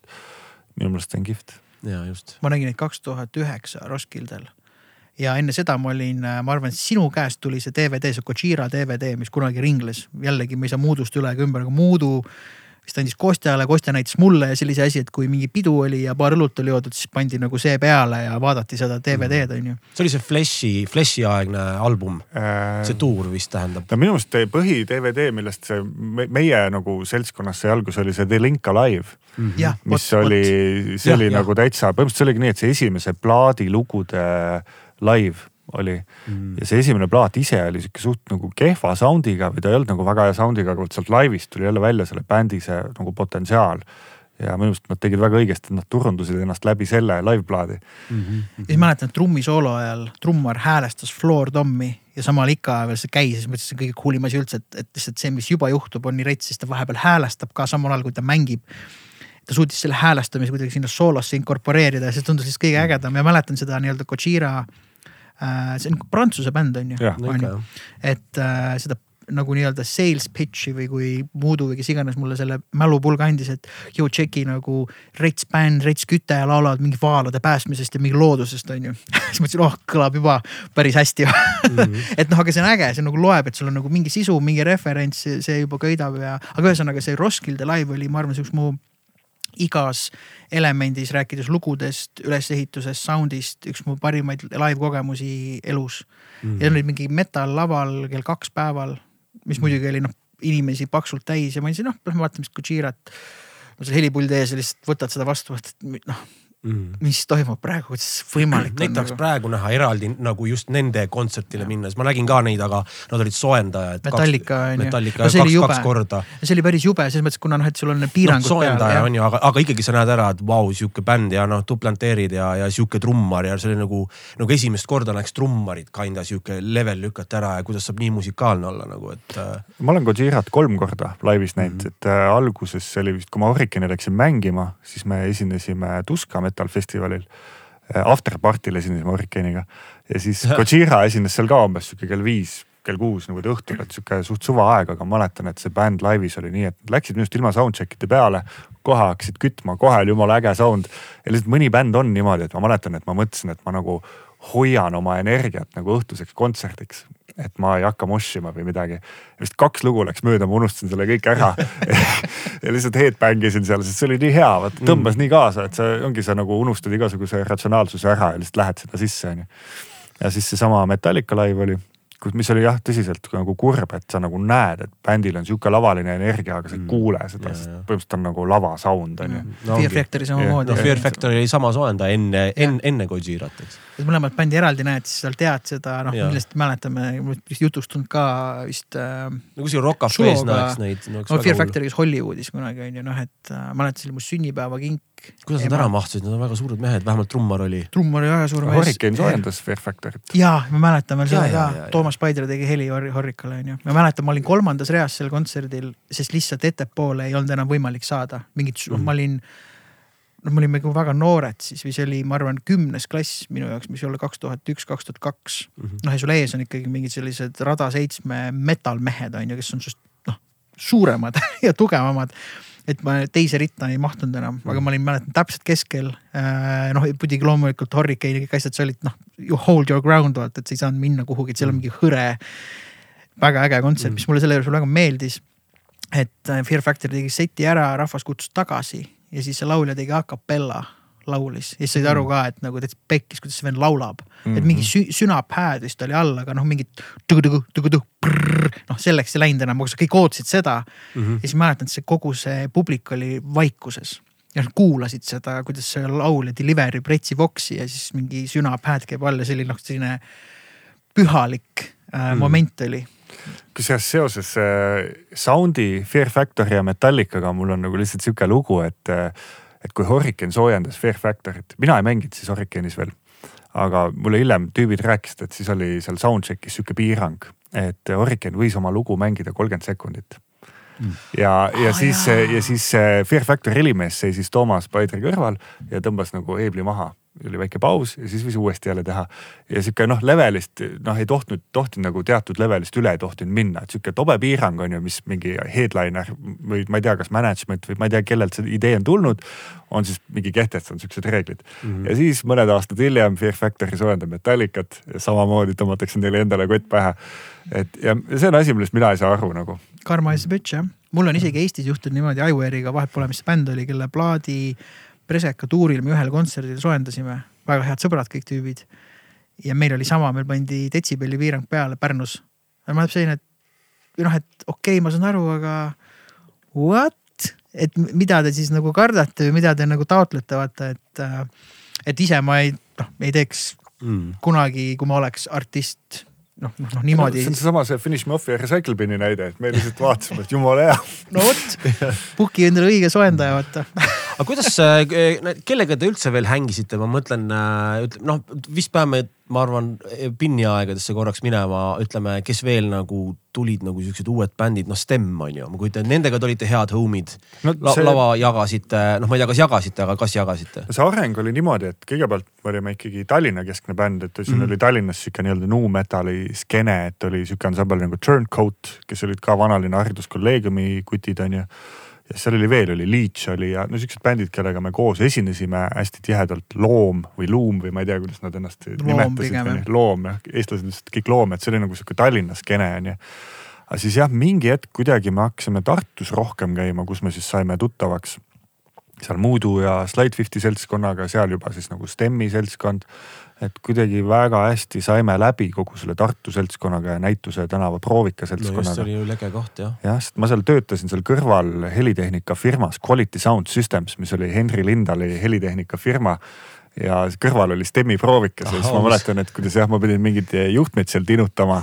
ja siis noh, tavaliselt ikkagi STEM-i tüübid tulid ka nagu hängima seal ja siis äh, sihuke väga mõnus aeg oli, väga hea mm seltskond, ma käisin iga nädalavahetus Tartus ja sealt äh, jah tekkis sihuke mm. mõnus seltskond ja sõpruskond. aga mingeid ühiseid, ühiseid kontsert nii-öelda ettevõtmisi ka tuli ette, et noh, et meil, me oleme siin lahedad bändid, saame läbi, et teeme siis mingi ühise keika või midagi, et neid ka või kuidas? no Slide Fifty'ga me ju käisime tuuril, et Skiso tuuril oli mitu korda Slate Fifty esines ka oh., et sealt me saimegi, ma arvan, et sealt see häng nagu tekkis, on ju. Stemiga me kusjuures ei mänginud väga palju koos, et see oligi täpselt see aeg, kus nagu PIN nagu ära vajus, sealt hakkas nagu ja. Stem rohkem tegema. aga ma tegin Stemile paar korda heli ja salvestasin nende mingeid asju, on ju, et selles mõttes hängisin nendega tihti mm. -hmm. Cool. väga äge kuidas sa õpetamise juurde korraks keerata ümber, ma tegelikult tahaks küsida seda ka äh,, kuna sa oled kuna isa on väga tuntud kitarrist, et kas oli, kas sa, kas sa mäletad kuidagi sellest mõjutust ka?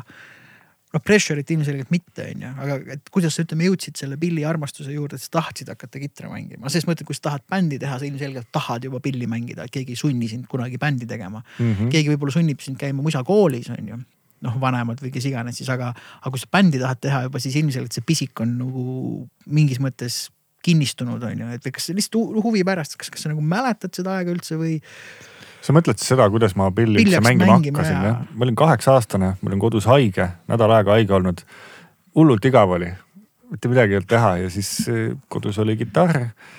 oli see Heiki Mätliku õpikus kitarr on ilusti rohelisel aasal ja lihtsalt ma võtsin selle ette, ma, kedagi kodus ei olnud, ma mäletan, ma olin täiesti üksinda, keegi ei sundinud mind seda tegema. ja ma lihtsalt hakkasin seda õpikut vaatama, hakkasin vaatama, et kuidas see nagu asi käiks, on ju, ja, ja noh, ma kuidagi ise tegin mingid asjad endale selgeks, ma mäletan, et keegi mind selles ei aidanud. ja täitsa ise sisemine motivatsioon oli. noh, paps tuli koju, vaatas, et näed, poiss mängib kitarri väga lahe ja siis ta nagu näitas mulle seal kohe ära sealt õpikust umbes, mis, mis need nagu asjad on, kuidas neid tegema peaks ja siis ma hakkasin mängima, aga noh, paps mind selles mõttes kunagi nagu õpetanud ei ole, ta nagu juhendanud, aga ta ei ole nagu õpetanud, et nüüd õpi see ära või sellist asja tee. ja siis ma läksingi muusikakooli Arne Rütteri juurde kitarri õppima siis õppisingi muusikakoolis kõik solfid, kitarritunnid, bänditunnid, kõik täis laks.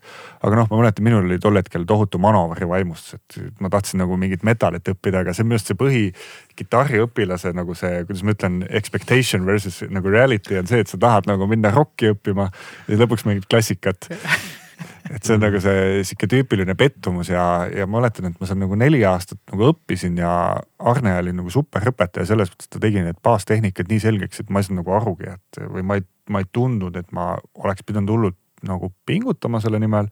samas ma sain väga tugeva baasi sealt alla. aga noh, Manovari rihve ma ei saanud sealt onju ja siis ma mingi hetk hakkasin rebeliks, tulin sealt nagu ära ja siis juba hakkasin nagu rohkem elektrikitarri mängima mul mingi isa õpilane andis mulle Master of Puppetsi kogu plaadi tabulatuurid mm.. siis ma nagu neid hakkasin mängima, et ma arvan, et see oli minu esimene nagu kokkupuude sihukese metal-kitarriga, et ma õppisin järjest ära neid lugusid seal. Terve Master of Puppetsi plaadi põhimõtteliselt. väga rets trenn on see, see no, rets. see, see oligi nii, et eh, ega ma tol ajal ei osanud neid kõiki mängida, ma õppisin ära seda, et vaatasin, noh, see on sihuke mängitav riff, enam-vähem mängisin muidugi kolm korda aeglasemas tempos on ju. siis vaatasin, no see on liiga raske rihv, jätsin vahele, läksin edasi on ju. ja niimoodi nagu õppisin ja siis mingi hetk nagu kuidagi seda skill'i tuli juurde, et ma julgesin järjest rohkem sealt nagu asju ette võtta on ju ja siis sealt juba tuligi seesama periood, kus ma rääkisin, et tuli Viper ära juba, siis hakkasime nii-öelda mm. expectation versus reality, tahtsime teha metalit, välja kukkus punk on ju. ja sealt kuidagi kõik läks edasi hästi loomulikku teed pidi aga õpetamisena ma lihtsalt ütleme, võib-olla täpsustan küsimust, et noh, mina ise ka olen õpetanud nii kaua, ma olen nagu ma hakkasin seitsmeteistkümne aastaselt õpetama, onju, mis tegelikult noh, mul on kolmkümmend viis, mis tundub nagu selline. pool elust. pool elust jah, ja see on nii juhuslikult, et mi, miks see mulle nagu kuidagi huvitav on, on sellepärast, et teinekord noh, tuleb mingi uus õpilane, tuleb lapsevanem, siis ikka nagu tahad endale nagu mingisugust sellist äh, noh, ma ei jõua eesti keeles legitness'i või sellist äh, äh, usaldusväärsust tekitada, eks mm -hmm. ole äh, aga noh, nad ikkagi enam-vähem aimavad, kui vana mina olen, eks ole, et, et siis noh võib-olla eeldavad, ah ma mingi kolm aastat õpetanud, neli, aga no nüüd saab kaheksateist kohe on ju. mis tõmbab mu aju korraks kreeni vaata, et mis vanalt sa siis nagu õpetama hakkasid eh, mis ma tahan sellega öelda, et mina algul hakkasin õpetama puhtalt niimoodi, et see minu lugu on ka mingi Kraalis kontsert, ma arvan, kui ma olin äh, kaheksateist, seitseteist, seitseteist jah, ja keegi oli noh, mina poleks tohtinud seal üldse, eks ole, olla kuigi ma hakkasin Kraalis käima neljateistaastasena pidudel on ju ja siis mingi minust noorem tüüp oli ka kuidagi sisse saanud ja siis pärast mingit laivi, tõenäoliselt Aidese laivi, et kuule, väga hästi paned, on ju. kas sa näitaksid mulle ka, siis mingi tüüp maksab mulle raha selle eest on ju, et näidad, muidugi, muidugi näitan või noh, aga see oli alati selline. ma ei võtnud seda kunagi selles mõttes tõsiselt, ma andsin alati endast parima. see oli hobi korras, et mul oli võib-olla üks-kaks võib-olla tippajal neli-viis õpilast nädalas, kes võib-olla iga nädal ei käinud ja oli täpselt selline helistamise peale vaata, et kuule, kuidas see nädal on ütlesin, aa jaa, me teeme proovi, et tule pärast läbi ja teeme midagi, see oli nagu aastaid-aastaid niimoodi. kuni ma läksin siis Vestolmi õpetama, kus siis oli niimoodi, et mind book iti laste Reval ja poistekoori lastelaulu selle võistlusele, kus Alla Eenmaa kes on huvijuht Vestol, ütles kuule, et noh, Mikk, me ikka trummi, et Lillepea, Andrus Lillepea tavaliselt mänginud seal, tule ka mängima, on noh mis see lastelaulu mängida on, on ju, absoluutselt mõtlemata, et ega mul see noodist lugemine nagu kolm-neli kohe ei lähe, on ju, et noh, kui pannakse see lastelaul mingid sünkoobid kordused, seeniad, koodad on ju, et. noh, ma kuidagi nii-öelda hämasin ära selle kontserti, noh, et enam-vähem oli okei okay. mm. ja siis pärast tuli, kuule, meil on trummiõpetajat, eks ole, vaja, et tule siia õpetama. ja siis seal esimest korda, kus mul tulid näiteks esimese klassi tüübid tundi ja mul oli paanika, siis mõtlesin, kuidas ma täidan nelikümmend viis minutit ära selle seitsmeaastasega niimoodi, et tal on põnev ja ta ei hakka trumme vihkama. on ju, et okei okay,, ma vahepeal õpetasin ennem inglise kolledžis ja nii edasi, aga seal ma veel ei osanud nagu õpetada, et mul see, okei okay,, seal oli ka, sorry, ma nüüd räägin endale vastu, aga õpetasin kaks aastat inglise kolledžis, aga seal oli, see oli kuidagi teistmoodi, et ma nagu katsetasin, see oli selline katsetusperiood, aga ma ikkagi ei võtnud seda liiga tõsiselt, et see, see töökoht lõppes ära ja siis ma õpetasin jälle hobi korras, aga ma tahan sellega öelda, et siis võib-olla nüüd viimased seitse-kaheksa aastat jah, ma olen nagu õpetanud nagu tõsiselt noh mm -hmm., nagu nii-öelda isegi võib-olla pidanud ennast pedagoogiks natukene. on ju, ja sind äh, viis minuga kokku, ma alati teadsin sind, ma olin kämanud, aga Muudu sünnipäevad, ma ei saa Muudust üle ega ümber, need legendaarsed Muudu sünnipäevad kus me siis tegelikult, meil oli aega juttu rääkida ja tuttavaks saada. Mm. -hmm ja see vist algaski sellest, et sul, sa käisid tavaliselt poja Rasmusega, eks ole, seal sünnipäeval tihtipeale ja siis kuidagi hakkasime rääkima õpetamisest ja ma arvan, et see oli see, kus me saime sõbraks. Ja see oli tegelikult ju pigem oligi mingi kuus-seitse aastat tagasi. ma segan vabandust vahele, mingit varasemat aega, ma tegin Aidesele heli ju päris pikalt mingid, mingid mitu kontsertit, mis, kus me minu arust juba, juba, juba päris hästi saime läbi ah,. võib-olla oli jah. mingid Rock Cafe kontserdid ja üks oli Tartu see, kas mingi Sõbramaja või see Lutsu teatrimaja oli, mäletan, kus oli sihuke, kus ma, ma tegingi Lutsu teatrimajas mingil üritusel heli ja Aides esines seal ja siis seal ma minu meelest. see oli Henri Lindeli üritus oli see Slide Fifty ja Aides olid Lutsu teatris, mul on pildid isegi veel sellest kuskil kõva kett all. no minust seal pilte ei ole, sest ma olin puldi taga, kes helimeest ikka pildistab. aa jaa, oli hea, ütlen jällegi vaata nii palju aega on läinud, natukene hägustub see no,, hägustub see, aga ühesõnaga tuleme selle õpetamise juurde tagasi, et siis ma lihtsalt mäletan, et, et äh, mina, Jaagup ja sina hängisime Muudu köögis sellesama laua taga kus me siin praegu oleme, Muudu vana köögilaud et äh, et aga, aga kuidas sina nagu sellise tõsisema pedagoogikani jõudsid, lihtsalt põnev, põnev teada. no enne kui ma tõsisemani jõudsin, ma arvan, et mul oli alguses samamoodi nagu sinul, et äh, algas asi mu isa-Mari laulustuudiost, kus mu isa oli kitarriõpetaja. aga seal oli nii suur huvi kitarriõppe vastu, et mu isa ei suutnud neid kõiki nagu ära õpetada seal ja noh, paps kohe nii-öelda viis otsad kokku, vaatas, et nagu mind huvitab kitarrimäng. õpetamise kohta ma ei teadnud tol hetkel midagi, aga ta ütles, et kuule, Jaan, et sa ei taha natuke lisaraha teenida. et teed siin paar tundi nädalas, on ju. õpetan lastele Deathi mängima täpselt kohe esimeses tunnis, kohe parem käsi krampi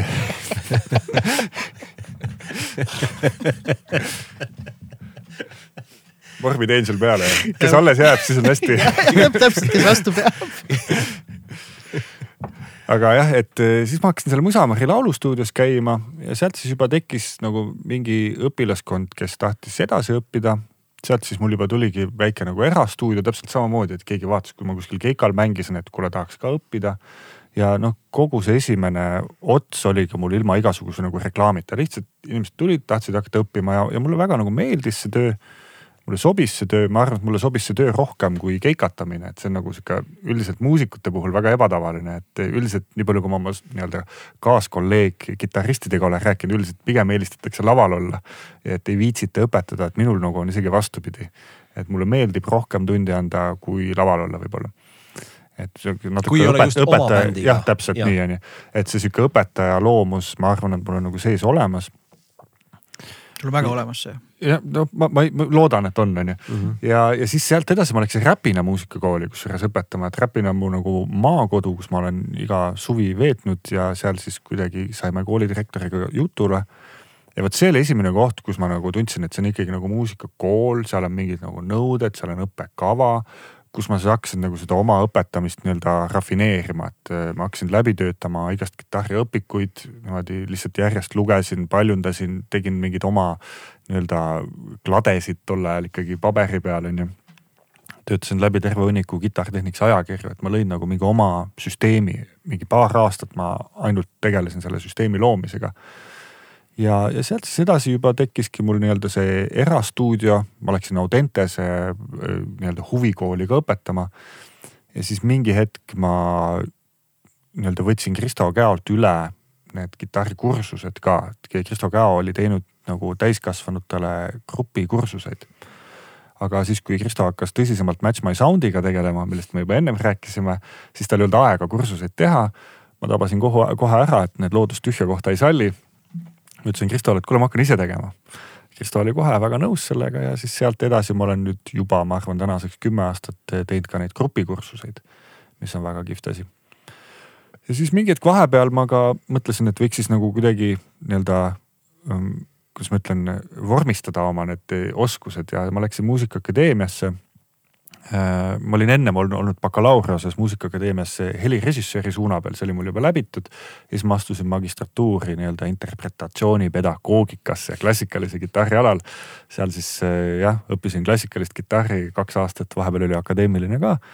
ja, ja siis nii-öelda vormistasin nii-öelda selle oma pedagoogilise hariduse ka ära. et, et noh, et nii-öelda oleks mul ka õpetaja kutse päriselt olemas. väga tubli, ma olen ise väga palju mõelnud selle peale, et peaks ka tegema täiega peaks tegema. ma ei teagi, kas, kas löökpillimängus on Eestis kuskil võimalik nii-öelda see, see, et sa saad nii-öelda õpetaja hariduse, kas see on Tallinna Ülikoolis äkki või? Äh, ma olen pigem lihtsalt mõelnud pedagoogika, et ah. pigem nii-öelda võib-olla natukene paremini seda psühholoogiat ja kuigi, kuigi ma ei tunne, et ma olen nagu mingit rängalt eksinud või mäsa pannud siis ma tahaks uskuda, et ma olen enam-vähem mõistlik inimene, eks on ju. et äh, just noh, lastega tegeledes ma õppisin, kuidas mitte närvi minna mm, -hmm. kuidas, mis on tulem, kui sa lähed närvi, absoluutselt vastupidine efekt on kohe tunnis vähemalt, eks ole, kuidas suhelda. et noh, kõike seda, aga kindlasti lisateadmised ei jookseks külgemööda maha.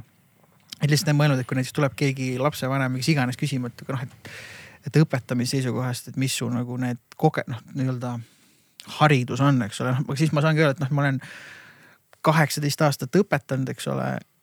Ja mul on nagu põhimõtteliselt ma teen rohkem õpilasi, kui ma jaksan ja keegi väga ära ei lähe, et see on mu aktsia, et ma, ma ei oska sulle nagu anda mingisugust muud nagu lahendust, noh, et mitte nagu flex ida, aga et noh, mul ei ole midagi muud näidata, aga, aga et ja siis ma alati ütlen ka näiteks, kui tuleb uus õpilane äh,. mis me rääkisime siin kontserdikülastajatest ka või ei mäleta, kellega me rääkisime, et noh, et su, su nii-öelda aktsia on tänapäeva sõna, aga et aktsia või su väärtus on selles, on sinu publikus, sinu publik mm -hmm. annab sulle selle hinnangu stiilis palju sa pileteid müüd või palju sul kuulamisi on, eks ole. no sihuke objektiivne mõõdetav asi nii-öelda. absoluutselt ja, ja väga aus asi ka, et keegi niisama ju ei, ei kuula või ei tule, et siis ma olen ka öelnud, et, et teeme lihtsalt tunni, see ei tähenda, sa pead käima hakkama ja kui sul nagu match ib ja nagu äge on siis on äge, siis on nagu õige, et siis ju siis ma teen midagi õigesti, on ju, ja, ja lastele samamoodi, et noh, paljud tulevad oma, minu, minu jaoks on kõige suurem kompliment nii-öelda, mõned tulevad oma sünnipäeval tundi.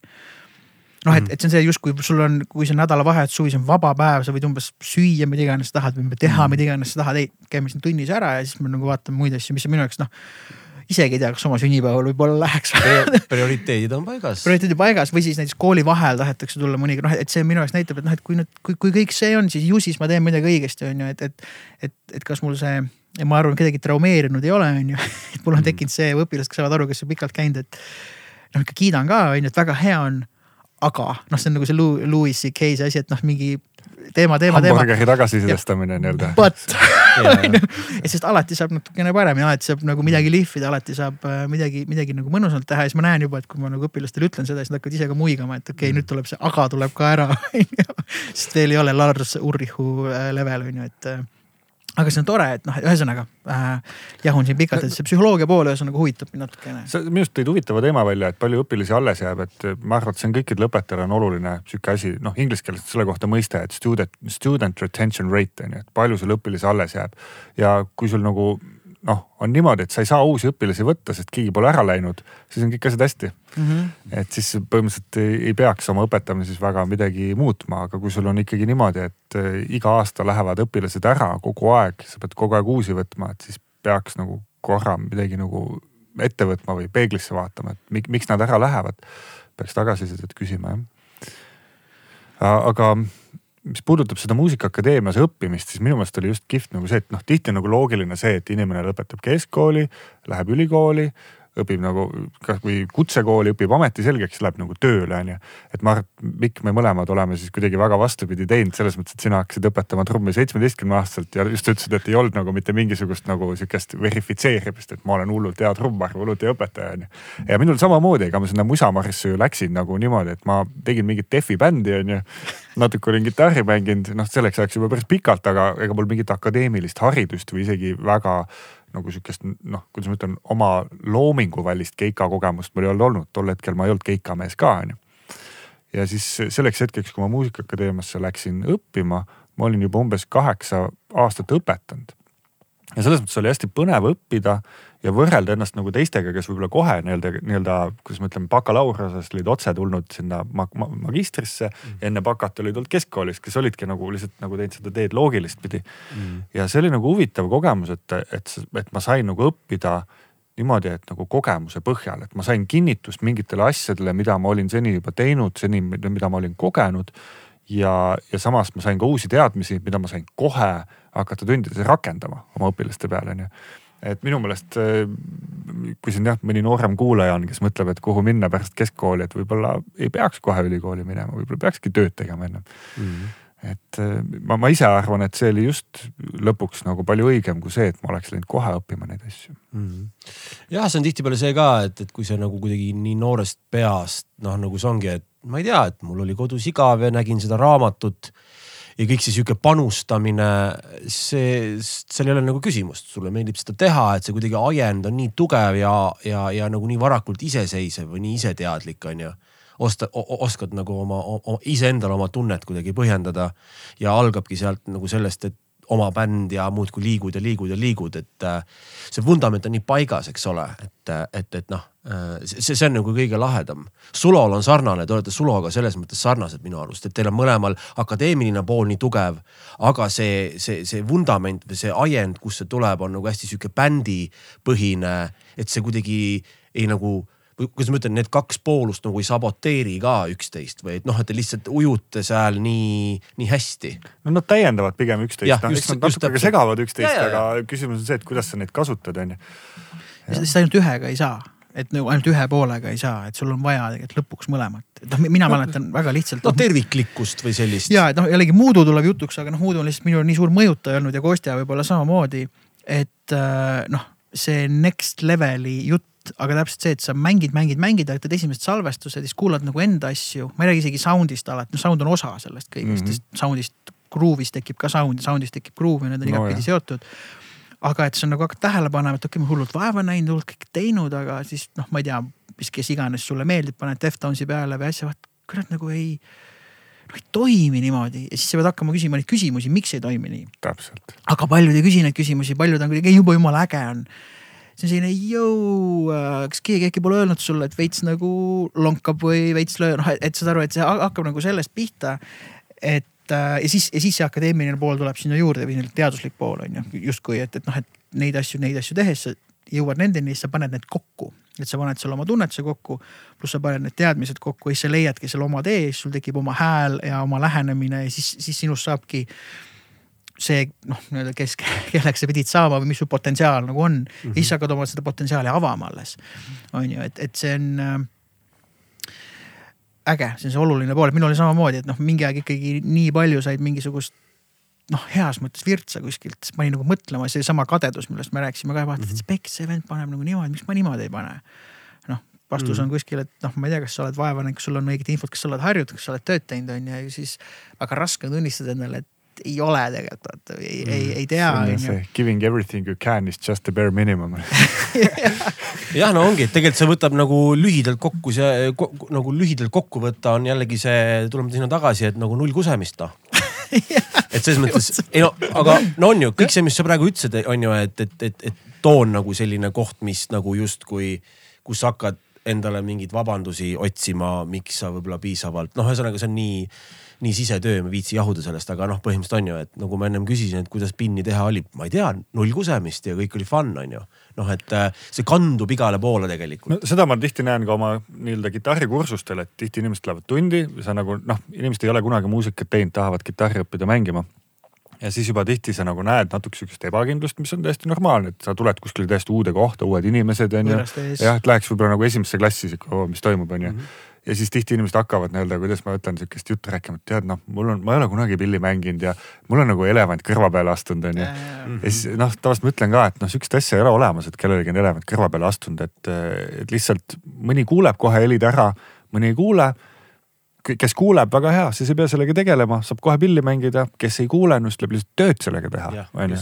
ja, ja igalühel on need nii-öelda erinevad asjad, millega peaks tööd tegema ja millega ei peaks tööd tegema ja see mõnes mõttes ongi ju õpetaja ülesanne leida üles need kohad, on ju, et mis on need tugevused, mis on nõrkused, mis on need nõrkused, mida peaks arendama ja nagu trummiõpetajana sa tead, alati kõiki nõrkuseid ei peagi arendama, et noh, näiteks kui väga lihtne näide, kui oletame trummiõpilasel on nõrk kardaan, aga ta tahab saada džässtrummariks noh, siis see ei ole esimene asi, mida sa peaks hakkama parandama, onju. viimane asi, mis sa võid jutuks võtta. ei no lihtsalt väga ekstreemne näide, et samamoodi kitarrimängus, et kui ma nagu näen ära, et õpilane nagu ei taha mängida nagu Van Halen, no siis ei ole mõtet täpingut õpetada. siis on ja. nagu hoopis teised teemad, onju.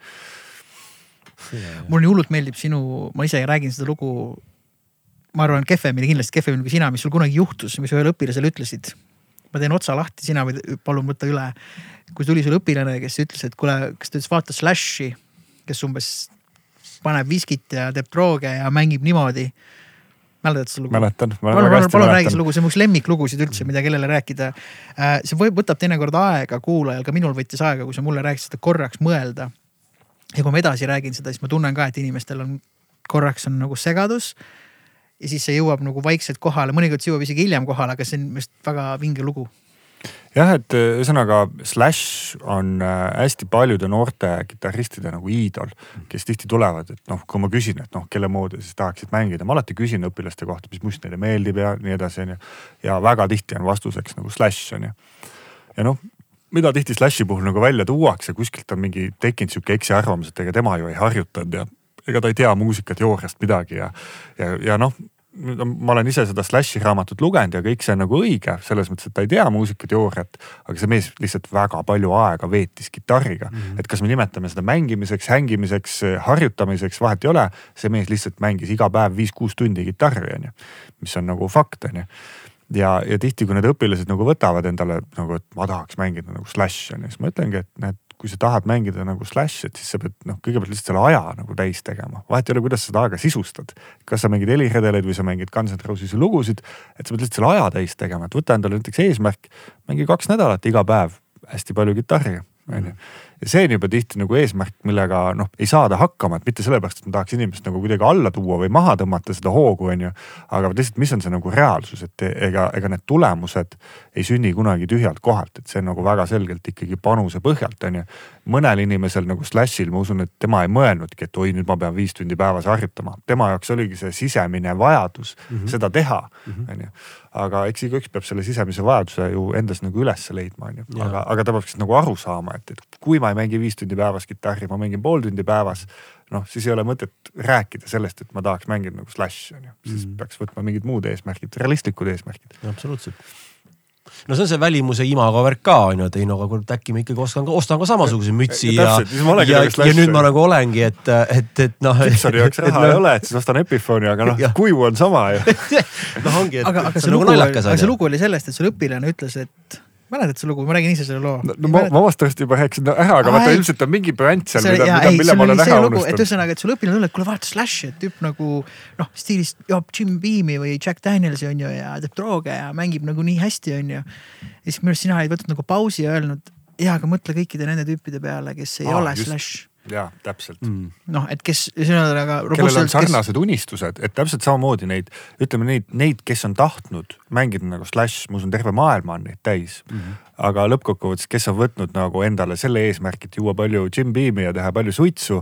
Need ongi lõpetanud lõpuks seal USA-s mingi rekkajuhina, vabandust, kui keegi rekkajuht siin kuulab, see ei ole üldse solvav, aga lihtsalt näide on ju. Mhm. või alkohoolikuna eh, või narkomaanina, kes lihtsalt tahtis veits pilli mängida kunagi, aga et see ei ole see vahend selle tulemuseni olla slash, vaid see vahend no, on pilli mängimine. moment on see põhiline lihtsalt, see ongi. ei no ma ütlen lihtsalt minu jaoks ütlen, kuidas see mõjub, ma ei ütle üldse seda, et näiteks, et ütleme pillimehed, no pillimehed on nagu ta on, rock n roll on nagu ta on, me ei hakka seda muutma.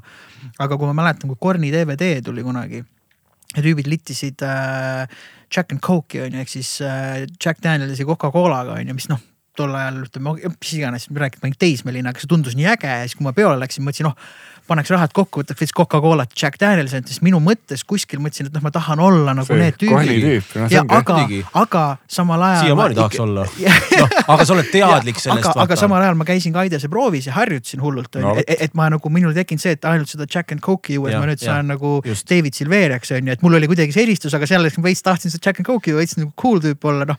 tulles hetkeks tagasi hästi ammuse jutu juurde, et noh, linnahalli katusel oli häng onju, et Ja. see oli, see oli default setting, et pärast proovi sa tegid Ja. Õlle või kaks jah, ja, ja mida sa linnahalli katusel tegelikult tegid, et see tundub võib-olla mõnele, oh mis siis noored poisid käisid õlut joomas. mida sa tegelikult pärast proovi seal linnahalli katusel tegid? see oli see puhkehetk jah. puhkehetki sa unistasid, sest see oli see merevaade, kus sa vaatasid sinna mm. -hmm. Ütleme, oli kevad, ilus ilm, sa jõid seda õlut, mis oli natuke nagu ei tohiks teha, on ju, see oli võib-olla kuusteist, seitseteist. No alakas ikka, alakas on ju aga sa unistasid, sa just olid nagu pingutanud täiega näiteks kaks tundi proovi, see oli veits välja tulnud, sa said julgustust ja siis on nagu noh, see meri ja ütleme kõik, mis paneb sind tundma, sa unistasid mm, -hmm. et olla see Korni tüüp või kes iganes mm -hmm. tüüp. ja see oli, need olid nii ilusad äh, nagu hetked, noh versus praegu me pigem teeme asju, me juba teeme asju, aga et sa oledki selles mõttes juba selles alas sees ja tegeled sellega, et võib-olla seda linnahala, linnahalli katusel paar õltsi teha ja no kaugusesse vaata, see ongi see, et äh, õlle joomine ilma panuseta tekitabki süümekaid, kui sa oled mm -hmm. enne seda teinud eneseületuse, issand jumal, sul oled õnnelik ka siis on ju ja järgmine päev ei ole kassi, see tähendab, see on kõik on väga lihtne. või siis tõmbadki pärast väga edukat keikat ennast nagu rihmaks. Jah. Ja sa, ja sa ikka mõtled järgmine päev fucking hea live oli, lihtsalt praegu veits on sitt olla ka ja, asi ja, ja siis lähed tagasi ja harjutad või mängid pilli Noh, ongi, ongi, ongi. eks see, see minu arust palju inimestel see võrrandi, see teine pool jääb teinekord tegemata. No tihti ongi jah, see nii-öelda väline kuvand ja see sisemine pool, tihti võetakse ainult see üks pool, see väline pool on ju. ja, ja siis ongi kõik, noh, ütleme, on ka teine äärmus, et on ka need, need tüübid, kes ju ainult võib-olla harjutavad ja ongi prooviks, on magamistoas, hullult mängivad ja ütleme ausalt, et noh, ma ei ole mingi alkoholi pooldaja või ka vastaline või nii edasi. et see on nagu see teatud sotsiaalne pool, mis on muusikule väga oluline, et me oleme siin rääkinud, et Muudu on siin väga paljusid inimesi ühendanud, kokku toonud. et kujutad ette, kuidas sa saaksid nagu tutvuda ägedate inimestega, kui sa ei hängi, on ju, et sa ja no selles mõttes see on minu meelest nagu oluline osa muusika tegemisest ongi see seltskond, see suhtlus, sa saad uusi mõtteid, katsetaks seda või kasvõi mingid tehnilised lahendused, et kellel kuidagi mingi, ma ei tea, backtrack'i või click-track'i süsteem on lahendatud. et need, need, need asjad sünnivadki läbi suhtluse minu Mhm. meelest, see on nagu oluline osa. no absoluutselt, mul on hea lugu sellega, mäletan, kuidas äh, Kostja hakkas salvestama esimest korda, kui ta sinuga sattus linna peale, juhuslikult, teil oli väga lõbus õhtu linna peal. ja Kostja läks koju. ja siis helistas mulle järgmine päev. Kuule mees, ma siin hakkasin luupima ja Cubase'iga möllasin nagu terve öö onju. siis ma olin nagu, kust see tuli, hetkel hängisin Jaan Vartsuga eile linna peal ja saad aru, tulin koju ja selline insp oli nagu peal onju. et noh, see tundub nagu väike asi esialgu öeldes, aga näiteks Aidese põhjal, kusjuures Kostja oli põhimees, kes luupis kitarriga ja ta oli esimene, kes hakkas salvestama. kuni selleni välja, kuidas sai minu peal lõpuks pahaseks, et kuule, sa peaks ka nagu ikkagi vaatama sellesse teemasse veits sisse, et sul läheb vaja seda. noh, aga see oli pikk teekond, siis tema juba händelis noh salvestada, et noh, mingist väiksest suhtlusest, sotsiaalsest momendist mingi Tallinna vanalinnas väike paar tundi hängi on ju tegelikult sai alguse mingi nii-öelda isegi nagu Kostja jaoks ja ütleme ka minu jaoks nii suur massiivliikumine nagu mingi selline. Te vist ju Aidesega lõpuks ju laivis oli niimoodi, et Taavi ja Kostja ja kõikidel olid mingid luuperid, et hullult tekitasite mingeid kihte seal, ma mäletan see laiv seal, kus seal oli, kunagi oli sihuke klubi nagu kas korter, Korter, ma mäletan teie plaadi Presekas oli vist seal onju. ja sellega me tegime seal, me tegime publiku rekordi, müüsime viissada viiskümmend piletit ja viissada viiskümmend oli lubatud ja siis kurat Epordwerk tegi üle, kes müüs viissada viiskümmend kaks piletit. ja ma olin nii, nii kuri selle peale, aga see oli üks eepilisemaid kontserte mu elus, see oli tõesti see plaadi esituskontsert, sest see oli, ma olin seda plaati teinud nii kaua see kulmineerus seal ja see oli sõnas mõttes nagu see We blew the roof off, noh et see oli täiesti usku, uskumatu. ja see oli ka vist ikka sihuke FP-eelne ajastu onju, et siis ei olnud ju. just oli tulnud, siis ma mäletan, me tegime mingeid kutsevideosid ja asju, need on kõik veel olemas, kui Saidese lehel, päris naljakad, kuidas ma Kostjaga. Reunioni ajaks neid kasutada on väga hea, tagasi ja, viia. siis meil oli uus Tatari näost tuts enne kui teie sinna tulite ja me tassisime äh, tugitoolid siia Pärnu maantee viadukti keskele öösel ja filmisime seal mingi kontserdi kutsevideosid, noh see ikka juba FB turundus vaata, aga noh, see oli nii alguses selles mõttes, et mingid event'id olid, inimesed kasutasid äh, Facebooki, aga no ühesõnaga see oli see Facebooki algus, aga ta ei olnud nagu mingi. no ma usun, et see viissada viiskümmend inimest, kes seal olid, nendest võib-olla viiskümmend oli selle Facebooki peale tulnud, võib-olla ma vähendan seda, aga. ja aga... inimesed teadsid, selleks inimesed teadsid seda bändi juba noh, see oli selle bändi ühtlasi ka nagu pärast seda see bänd aasta aega mõned kuud tegutses, siis ta ka nagu lagunes, et ma ütlen, et see võis olla see, see oligi tipphetk ja kogu see suvi kaks tuhat kümme. ja pärast seda oli, oli, oli vaibumine mm., mis on noh loomulik nagu iga asja puhul kahjuks.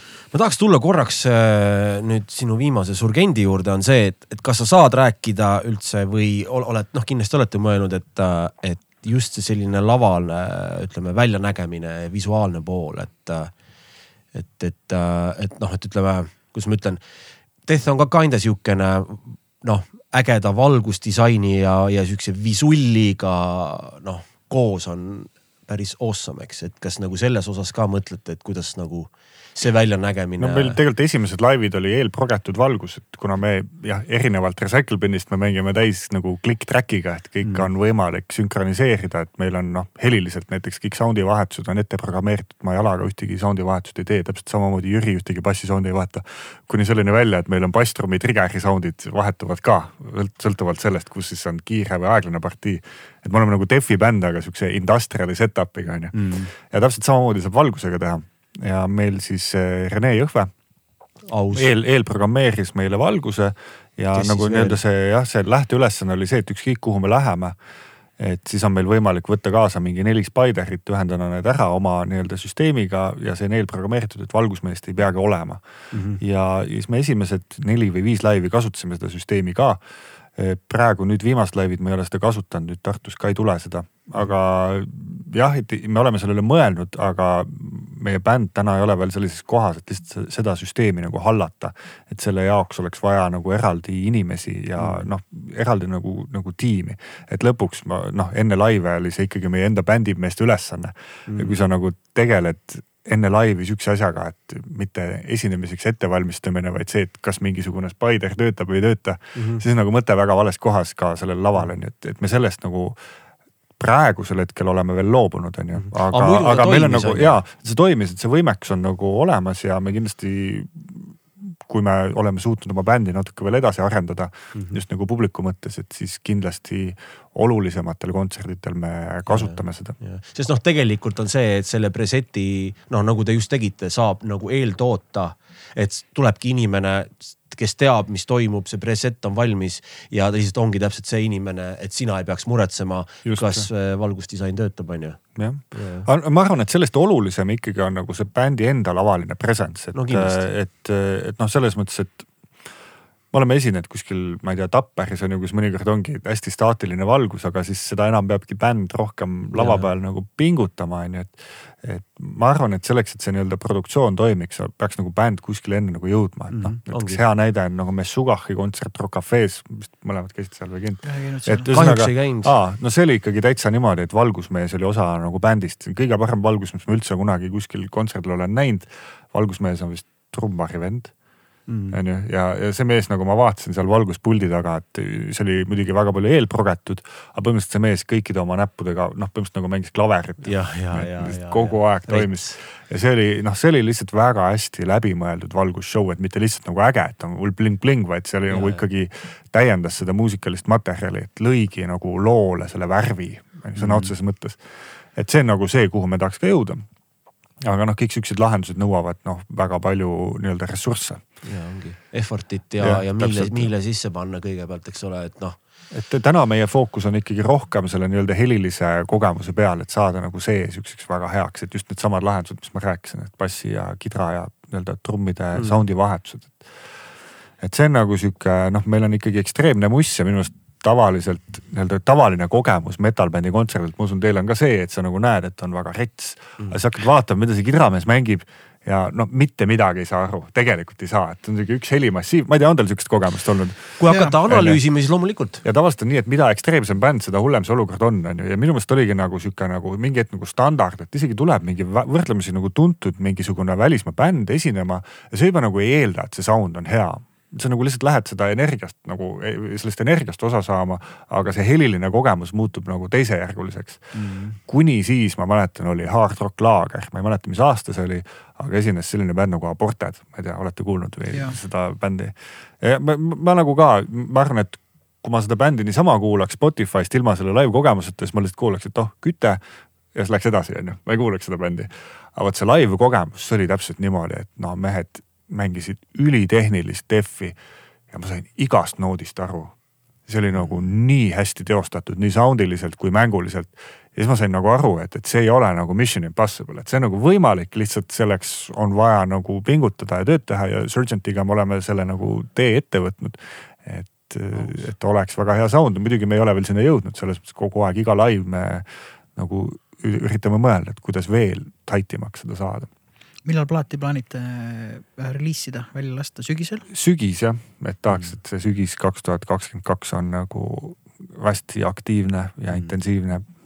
No, ma ei, kui ma hakkan mõtlema, ma ei olegi mitte kunagi, nojah, Hurricane on, aga polegi ühtegi nagu teist mingit Death'i musa video teinud, see võib päris viskida juba tehtud et tegelikult hea, hea meelega teeks teie bändile musavideo, ma ei tea, minu arust see, see selline muss ja see, et on, see on nii kuradi paeluv lihtsalt, see meeleolu ja, ja mis sa visuaalselt näed, noh väga soovin teile Surgendile nagu jah, loodan, et tuleks vähemalt nominatsioon, kui mitte võit muusikaauhindadel. no seal on kõva töö selles mõttes, et siin Eestis on Intrepid ja Beyond the Structure on nagu väga kõvad defi bändid, mõlematel tuleb ka plaat välja, et selles mõttes, et mul on nagu hea meel, et see Eesti defi skeene on nagu väga elujõuline. väga tugevad bändid on meil siin, et see on mm see on nagu kihvt, et kõikidest metallistiilidest minu meelest täna nagu Def on nagu üks siukseid võib-olla mainstream'i mõttes nagu edukamaid, aga ta on üks nagu elujõulisemaid skeenesid mm -hmm. nagu metalli valdkonnas mm. -hmm. kindlasti. no väga troo skeene ka, et seda skeene, kui sa juba seal oled, seda sa ei jäta. või noh, ütleme no ja Def on tegelikult ju, kui me vaatame üheksakümnendate algusest, et nagu stiilid on tulnud ja läinud, et siin nu metal ja hybrid metal ja mingi industrial, et noh, Def on tegelikult nagu kogu aeg ikkagi olnud minu meelest ja, ja kogu aeg tuleb uusi bände peale. selles mõttes nagu põnev stiil, et ma nagu kui ma oleks nagu üheksakümne viiendal aastal näiteks ennustan, et mis nagu stiil on nagu see, mis, kuidas ma ütlen äh, on nagu ajatu, siis ma nagu Defi kohta ei oleks seda öelnud, sest noh, black metal on väga selgelt ju ikkagi minu meelest nagu noh, oli nagu üks see ajastu mis sai läbi ja tekkis mingid post-black'i bändid, aga noh, tänapäeval ikkagi black metal on väga sihuke nagu noh, ikkagi üli noh, sihuke niši asi. no, no nagu kõhukott ütleme nii. Defi kohta seda öelda ei saa, väga elujõuline jah, skeene. ja, ja vägagi toimib. aga kui hullult ma tegelikult korraks veel äh, praegust Surgendi Stutsi nagu sessiooni puudutaks, et äh, no mis puudutab lähenemist, et noh, ma ei tea, trummisalvestus me võiks panna sinna sada mikrit, samas võiks panna sinna kümme mikrit, et kui, kas see oli nagu tundepõhine, et kus see piir võiks nagu joosta, et noh, meil on justkui selge, mida me püüda tahaks, aga kas läksite nagu liiga hulluks ja teaduslikuks või? ei, absoluutselt ei läinud hulluks selles mõttes, et meil on põhimõtteliselt spotid ja overhead'id ja mm. nii ongi, kick on trigger'iga, seda me mm. üldse ei hakanudki mikriga võtma, sihukeses muusikas ei ole lihtsalt vaja. ja hästi lihtne setup oli ma, ma ütleks selles mm -hmm. mõttes, et me ei hakanud midagi hullu panema. mida me tegime, oli, me võtsime ennem samast ruumist äh, sample'id ruumi sample'id ja neid me siis nii-öelda trigerdasime. Tommy sample'id võtsime ja, siuksed asjad, et äh, see oli nagu huvitav katsetus, mis ma kuskilt Nailed Mix idest olen õppinud, mida hästi paljud kasutavad just, et, et mitte ei kasutata ruumi mikrofoni, vaid -hmm. ruumi sample'it yeah.. ja meie puhul see toimis väga hästi mm. no jällegi baseerub nagu skill'ile, et äh, et, et sul on see vorm on nii tugev koos, et neid nööpe sinna külge panna alati me võime, onju. ja kui me pärast jälle ära võtame, siis see vorm on endiselt nii tugev, eks ole, et noh, eks see on see põhiline. aga meil on sellised huvitavad küsimused siin, see on sinu jaoks on see väga lihtne, ühesõnaga kõik, mis nagu pähe tuleb esimese nii-öelda hooga, siis anna kuuma. ühesõnaga, kui sa saaksid teha koostööd kellega iganes, siis kes see oleks, ei ole vahet, kas elavad või surnud? oo, Johannes Brahmsiga Dimebag Darreliga. ma arvan, et äh, Arvo Pärdiga mm.. Chuck Schuldineriga. sina ja Arvo Pärts oleks üks, vot see oleks üks elu featuring. Šostakovitš ka veel kindlasti. ilus. väga äge. mina alustan, sina lõpetad. ükskord tuuril olles ükskord tuuril olles jäi meil basskitarr maha, et me ei võtnud kontserdile seda kaasa. ja see lugu oli niimoodi, et bassimängija pidi minema Tartust Tallinnasse ja sealt Haapsalu kontserdile. aga ta unustas meile öelda, et ma võtaks sealt Tartust selle basskitarri kaasa ja siis äh, mäletan, et lõpuks meil siis Taavi, Recycle Bini bassimängija kasutas seal Haapsalus mingit pungibändi bassi mingite neetide ja asjadega väga hea situatsiooni komöödia oli kindlasti see, kui oleks nagu ise seda näinud. kõige hullem nõuanne, mis sa kunagi saanud oled hmm.? ma arvan, et mul on nii head sõbrad olnud, et kõik on head nõu andnud kogu aeg elus. aga kui ma nüüd natuke mõtlen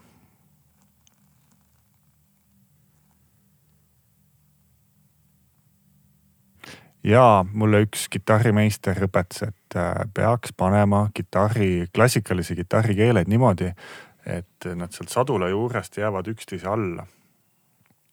onju, ma ei tea, kus ta seda õppinud oli ühesõnaga mul läks ükskord kontserdil keel katki, keskmine keel oli vaja kiiresti vahetada. ja seda keelt ei saanud kätte, selleks pidi võtma ka eelmise keele maha. aga selleks, et see eelmine keel maha saada, pidid ka võtma esimese keele maha ja siis ma mõtlesin, et see pillimeister vist ei ole kunagi ise laval mänginud või tal ei ole laval kunagi keel katki läinud. ja, ja pärast seda ma ei ole kunagi oma keeli niimoodi peale pannud enam. väga praktiline. see tundub alati hästi stressirohke olukord minu jaoks, kui ma näen, et laval läheb kellegi keel ja mulle alati tundub, et see võtab ju nüüd igaviku aega. ja siis kohe, kui ma olen selle mõtte võtnud, siis justkui kitarrist on juba tagasi ja see on lahendatud, aga kui ma vaatan, kui keegi keeli vahetab, okei ilmselgelt selles stressiolukorras sa vahetad selle keele mm. palju kiiremini aga mul nagu kuidagi pulss tõuseb kui on rets bänd, siis ei ole probleemi. ei, tegelikult ma... ei olegi probleemi, aga lihtsalt see, see tunne, et kui mul pulk midagi kukub, et ütleme, trummaril kõige hullem asi, mis saab juhtuda, on basstrummi pedaal läheb katki, okei okay,, selleks sul on varu pedaal. basstrummi nahk. vot ja kui basstrummi nahk läheb, okei okay,, sa saad seal teipida, aga kui keegi ei näe, sa üksinda oled ja kitsas on ja pime on ja midagi juhtub, see on nagu kõige hullem, seda ma ei hakka ju vahetama seal mm. -hmm. ja siis teine level ongi see kitarrikeel, et ma alati vaatan, et, et oh my god, mis nüüd saab, et kaua tal läheb ja siis põksti justkui on nagu, nagu tagasi. Mm.. no kitarrikeelega iseenesest ei ole hullu midagi, kui on ilma kangita kitarr on ju, kui on kangiga kitarr, no siis tuleb kohe kogu häälestus ära, et see on nagu tuksis on ju. mul läheb lihtsalt kitarrikeelega meelde üks äh, lugu, kui ma äh, pidin mängima Kalas, kõige esimene Kala kontsert, käisin isale kehaks ja mäletan, mul oli neid lugusid harjutatud, ma isegi ühtegi proovi ei olnud teinud, kohe lavale. ja siis ma mäletan, et esimene lugu hakkasin mängima, hullult hea gruuv oli, kõik oli äge, siis mõtlesin, et ah teeks siia väikse bendi veits teistmoodi. uued keeled olid peal, tegin selle ära ja kohe karistas ära, kohe keel katki, esimese loo ajal üldse, mis me tüübiga kokku, kokku mängisime või tüüpidega ja siis mul oli kuidagi niimoodi, et kohe oli, mul on tavaliselt alati keeled kohe olemas, tõmbasin selle keele peale, mul ei läinud väga palju aega, ühesõnaga loo lõpuks oli mul jälle keel peal juba mängis onju ja siis Sepo Seeman lava peal tegi nalja ka, et see on elu kõige kiirem keelevahetus, mis ta teinud on. Aus, aga kõige parem nõuanne, mis sa saanud oled? oo, noh, mul on head sõbrad, on nii, nii palju häid nõuandeid olnud. Hmm no ma arvan, et üks kõige viimaseid nõuandeid ongi olnud lihtsalt puhtalt see salvestustehniline, kasutada trummi sample eid äh, ruumi osas, on ju, see on nüüd hästi sihuke kitsas. aga mõtlen äkki võib-olla midagi eluliselt ka äh,. ja ma arvan, et äh, nüüd tagantjärgi mõeldes on ka see, et, et kui sa kellegagi midagi ehitad, et siis ära maksa raha ette ja, ja aus äh,. pelmeenid, kas praetud või keedetud? mõlemad jaa, respekt aus. mul poeg Rasmus on tohutu pelmeeni fänn ja ma arvan, et ma oskan neid päris hästi teha, et point on see, et sa kõigepealt praed ja siis paned natuke pärast vett juurde ja gaas peale. siis on nagu best of both worlds. aa, niimoodi. peab proovima lausa. ja, ja siis meil on Mikuga siin see pelmeeni häng teemas ja siis ja. ta noh, tal on ka väga teaduslik see lähenemine, aga see, et sa nagu siis, kas sa lased siis viimase vee neist välja, et sa veel veega siis praed niimoodi või et nad saaks nagu. ei, need lähevad ju, kui sa paned, see oli, kui sa praed lähevad krõbedaks. jah, siis tuleb ju tulebki vesi välja ju. mitte õliga, vaid äh, võiga, võiga on palju parem. ja, ja, ja, ja, ja, ja siis praed ära niimoodi mõnusalt niimoodi kuldpruuniks onju, aga siis võib juhtuda, et on seest nagu külmad või siuksed nätsked ja, ja, ja siis ja, natukene, natukene vett üldse mitte palju ei ujuta üle onju. et see nätskekski ei tõmba seda ainult. ja siis paned sinna nagu põhimõtteliselt nagu aurutad neid pelmeene. no just seda ma mõtlengi, et sa tahad, et nad ei jääks vesised ja nätsked. just, jah, täpselt ja aga et lihtsalt nagu natuke pehmust lisada mm. ja siis ma, mul poisile väga meeldib ma, ma ise nii suur pelmeeni fänn ei ole, aga siis, kui ma neid teen, siis nagu hea meelega söön mm. -hmm. nagu hästi oskad teha, siis on nagu. peame, peame tooma sulle kingituse, teinekord minu isa abikaasa teeb, ta on pärit sealt äh, Siberi kandist ja ta teeb ise hinkaalisid, noh käsitsi mm. teeb aga ka neid, neid aurutatakse, neid ei keedeta. ta no paneb, ta teeb mul lihtsalt. Ja täitsa väike, noh see on suur on ju, hinkaali on nagu suur-suur, legit suur, et aga noh, teoorias peaksid ühe ma ampsuga mahutama selle suhu, mis tavaliselt ei õnnestu, on ju. aga see on nii spot on nagu, see kõik on nagu õige. Ja siis mõtled, mis siis on liha ja tainas on ju. Ja no täitsa pekkis. Ja, ja see, see mingid ürdid, mis seal liha sees on, noh mingi perekonna retsept on ju kõik, aga see on mm. nii õige mingisuguse pool hot sauce'iga, no mis iganes. no millega iganes, tegelikult teeb isegi seda kõige legemat, noh, me ütleme labaselt ütles purksikastet, aga see on see no, majoneesi hapukoorekaste, aga ta kuidagi mm -hmm. sobib. no ja sobib jah, lihtne. ja sinna sobib mm -hmm. mingi pits kõrvale, aga lihtsalt see kombo see on kõik nagu õige, et see justkui need on, asjad on üksteise jaoks loodud. täpselt see tunne just. tekib, et sul ei ja, ole nagu. ja sa ei saa ühte ära võtta, sest noh, saad aru, nagu ja. hea lugu, kui sa võtad ühe asja ära, enam ei toimi, see peab olema noh, nagu perfektne nali. sa võtad ja. sõna välja, see enam ei tööta, vaata. jah kas meil üks küsimus järgi sulle? üks on veel jah. ma küsin ühe küsimuse enne veel, sa vist juba vastasid sellele, aga kõige retsim live, mida sa oled ise elus mm. näinud, kus sa oled kohal olnud, mitte DVD? ja, ja mitte ise, kus ma olen mänginud, vaid just. kõige retsim live mm,. ma ütleks, et minu kõige võimsam muusikaline elamus, see ei ole isegi Täpselt. live, oli Soome Helsingi ooperis oli Toska ooper täitsa hämmastav, ma ei uskunud, et muusika võib niimoodi mõjuda ja ma, ma ei ole mingi selles mõttes mingi tohutu ooperi fanatt või niimoodi. aga see oli väga võimas kogemus, et kui on ikka ooperikoor väga heal tasemel ja solistid panevad nagu FFF ehk siis forte, fortissimo, fortissimo on ju. et siis äh, see oli nagu täitsa mingi füüsi-, sihuke füüsiline kogemus, et, et äh, ja, ja see on nagu kogemus, mida ma ei ole vist nagu üheltki nagu metal-kontserdilt kunagi saanud, kuigi ma olen väga headel metal-kontserditel käinud. ja võib-olla teine selline kogemus, mitte, mitte nüüd siis selline, aga võib-olla, mis mulle väga meeldis, oli siis Opeti kontsert Rock Cafe's, mis oli ka sihuke no ikka mm. nii-öelda superb musicianship ja üldse see show ja tüüpide nagu olek, et, et see, et nad mm. mängivad ülikeerulist nagu proge metalit, aga vahepeal see laulja just viskab siukest nagu huumorit sinna vahele, et mis on nagu sihuke äge mm.. sellel laivil, ma ei tea, kas te käisite või ei käinud? ei käinud kahjuks. ühesõnaga selleks, et lisalugu saada, rahvast tahtsid lisalugu saada, siis see laulja tuli lavale ja ütles inimestele, okei okay,, me teeme lisaloo kui ta moshiti ilma muusikata ja siis pandi kõik valgustid rahvale. nüüd kujutate ette, eestlane vaikuses, ma peaks nagu moshima hakkama või. ja siis nagu rahvas hakkas niimoodi vaikselt pead nõksutama ja siis tüüp ütles ka, et kuule, nii te küll seda lisalugu ei saa ja siis nagu, et veel, veel, veel on ju ja, vaikuses ilma muusikata, et, et lõpuks ikkagi noh, see piinliku momendi ikka eestlased nagu mm. luna, lunastasid ja said lisaloo ka. aga see oli nagu äge lüke bändi poolt. väga hea, tulebki proovile panna. minu nimi on Jaan ja ma olen. kitarriõpetaja eelkõige jah, ma arvan. ilusasti öeldud. See, see sihukene, see nii enesekindel tagasihoidlikkus on lausa lummav ütleme nii aitäh sulle, Jaan, et tulid, nukid. nukid mees. Thanks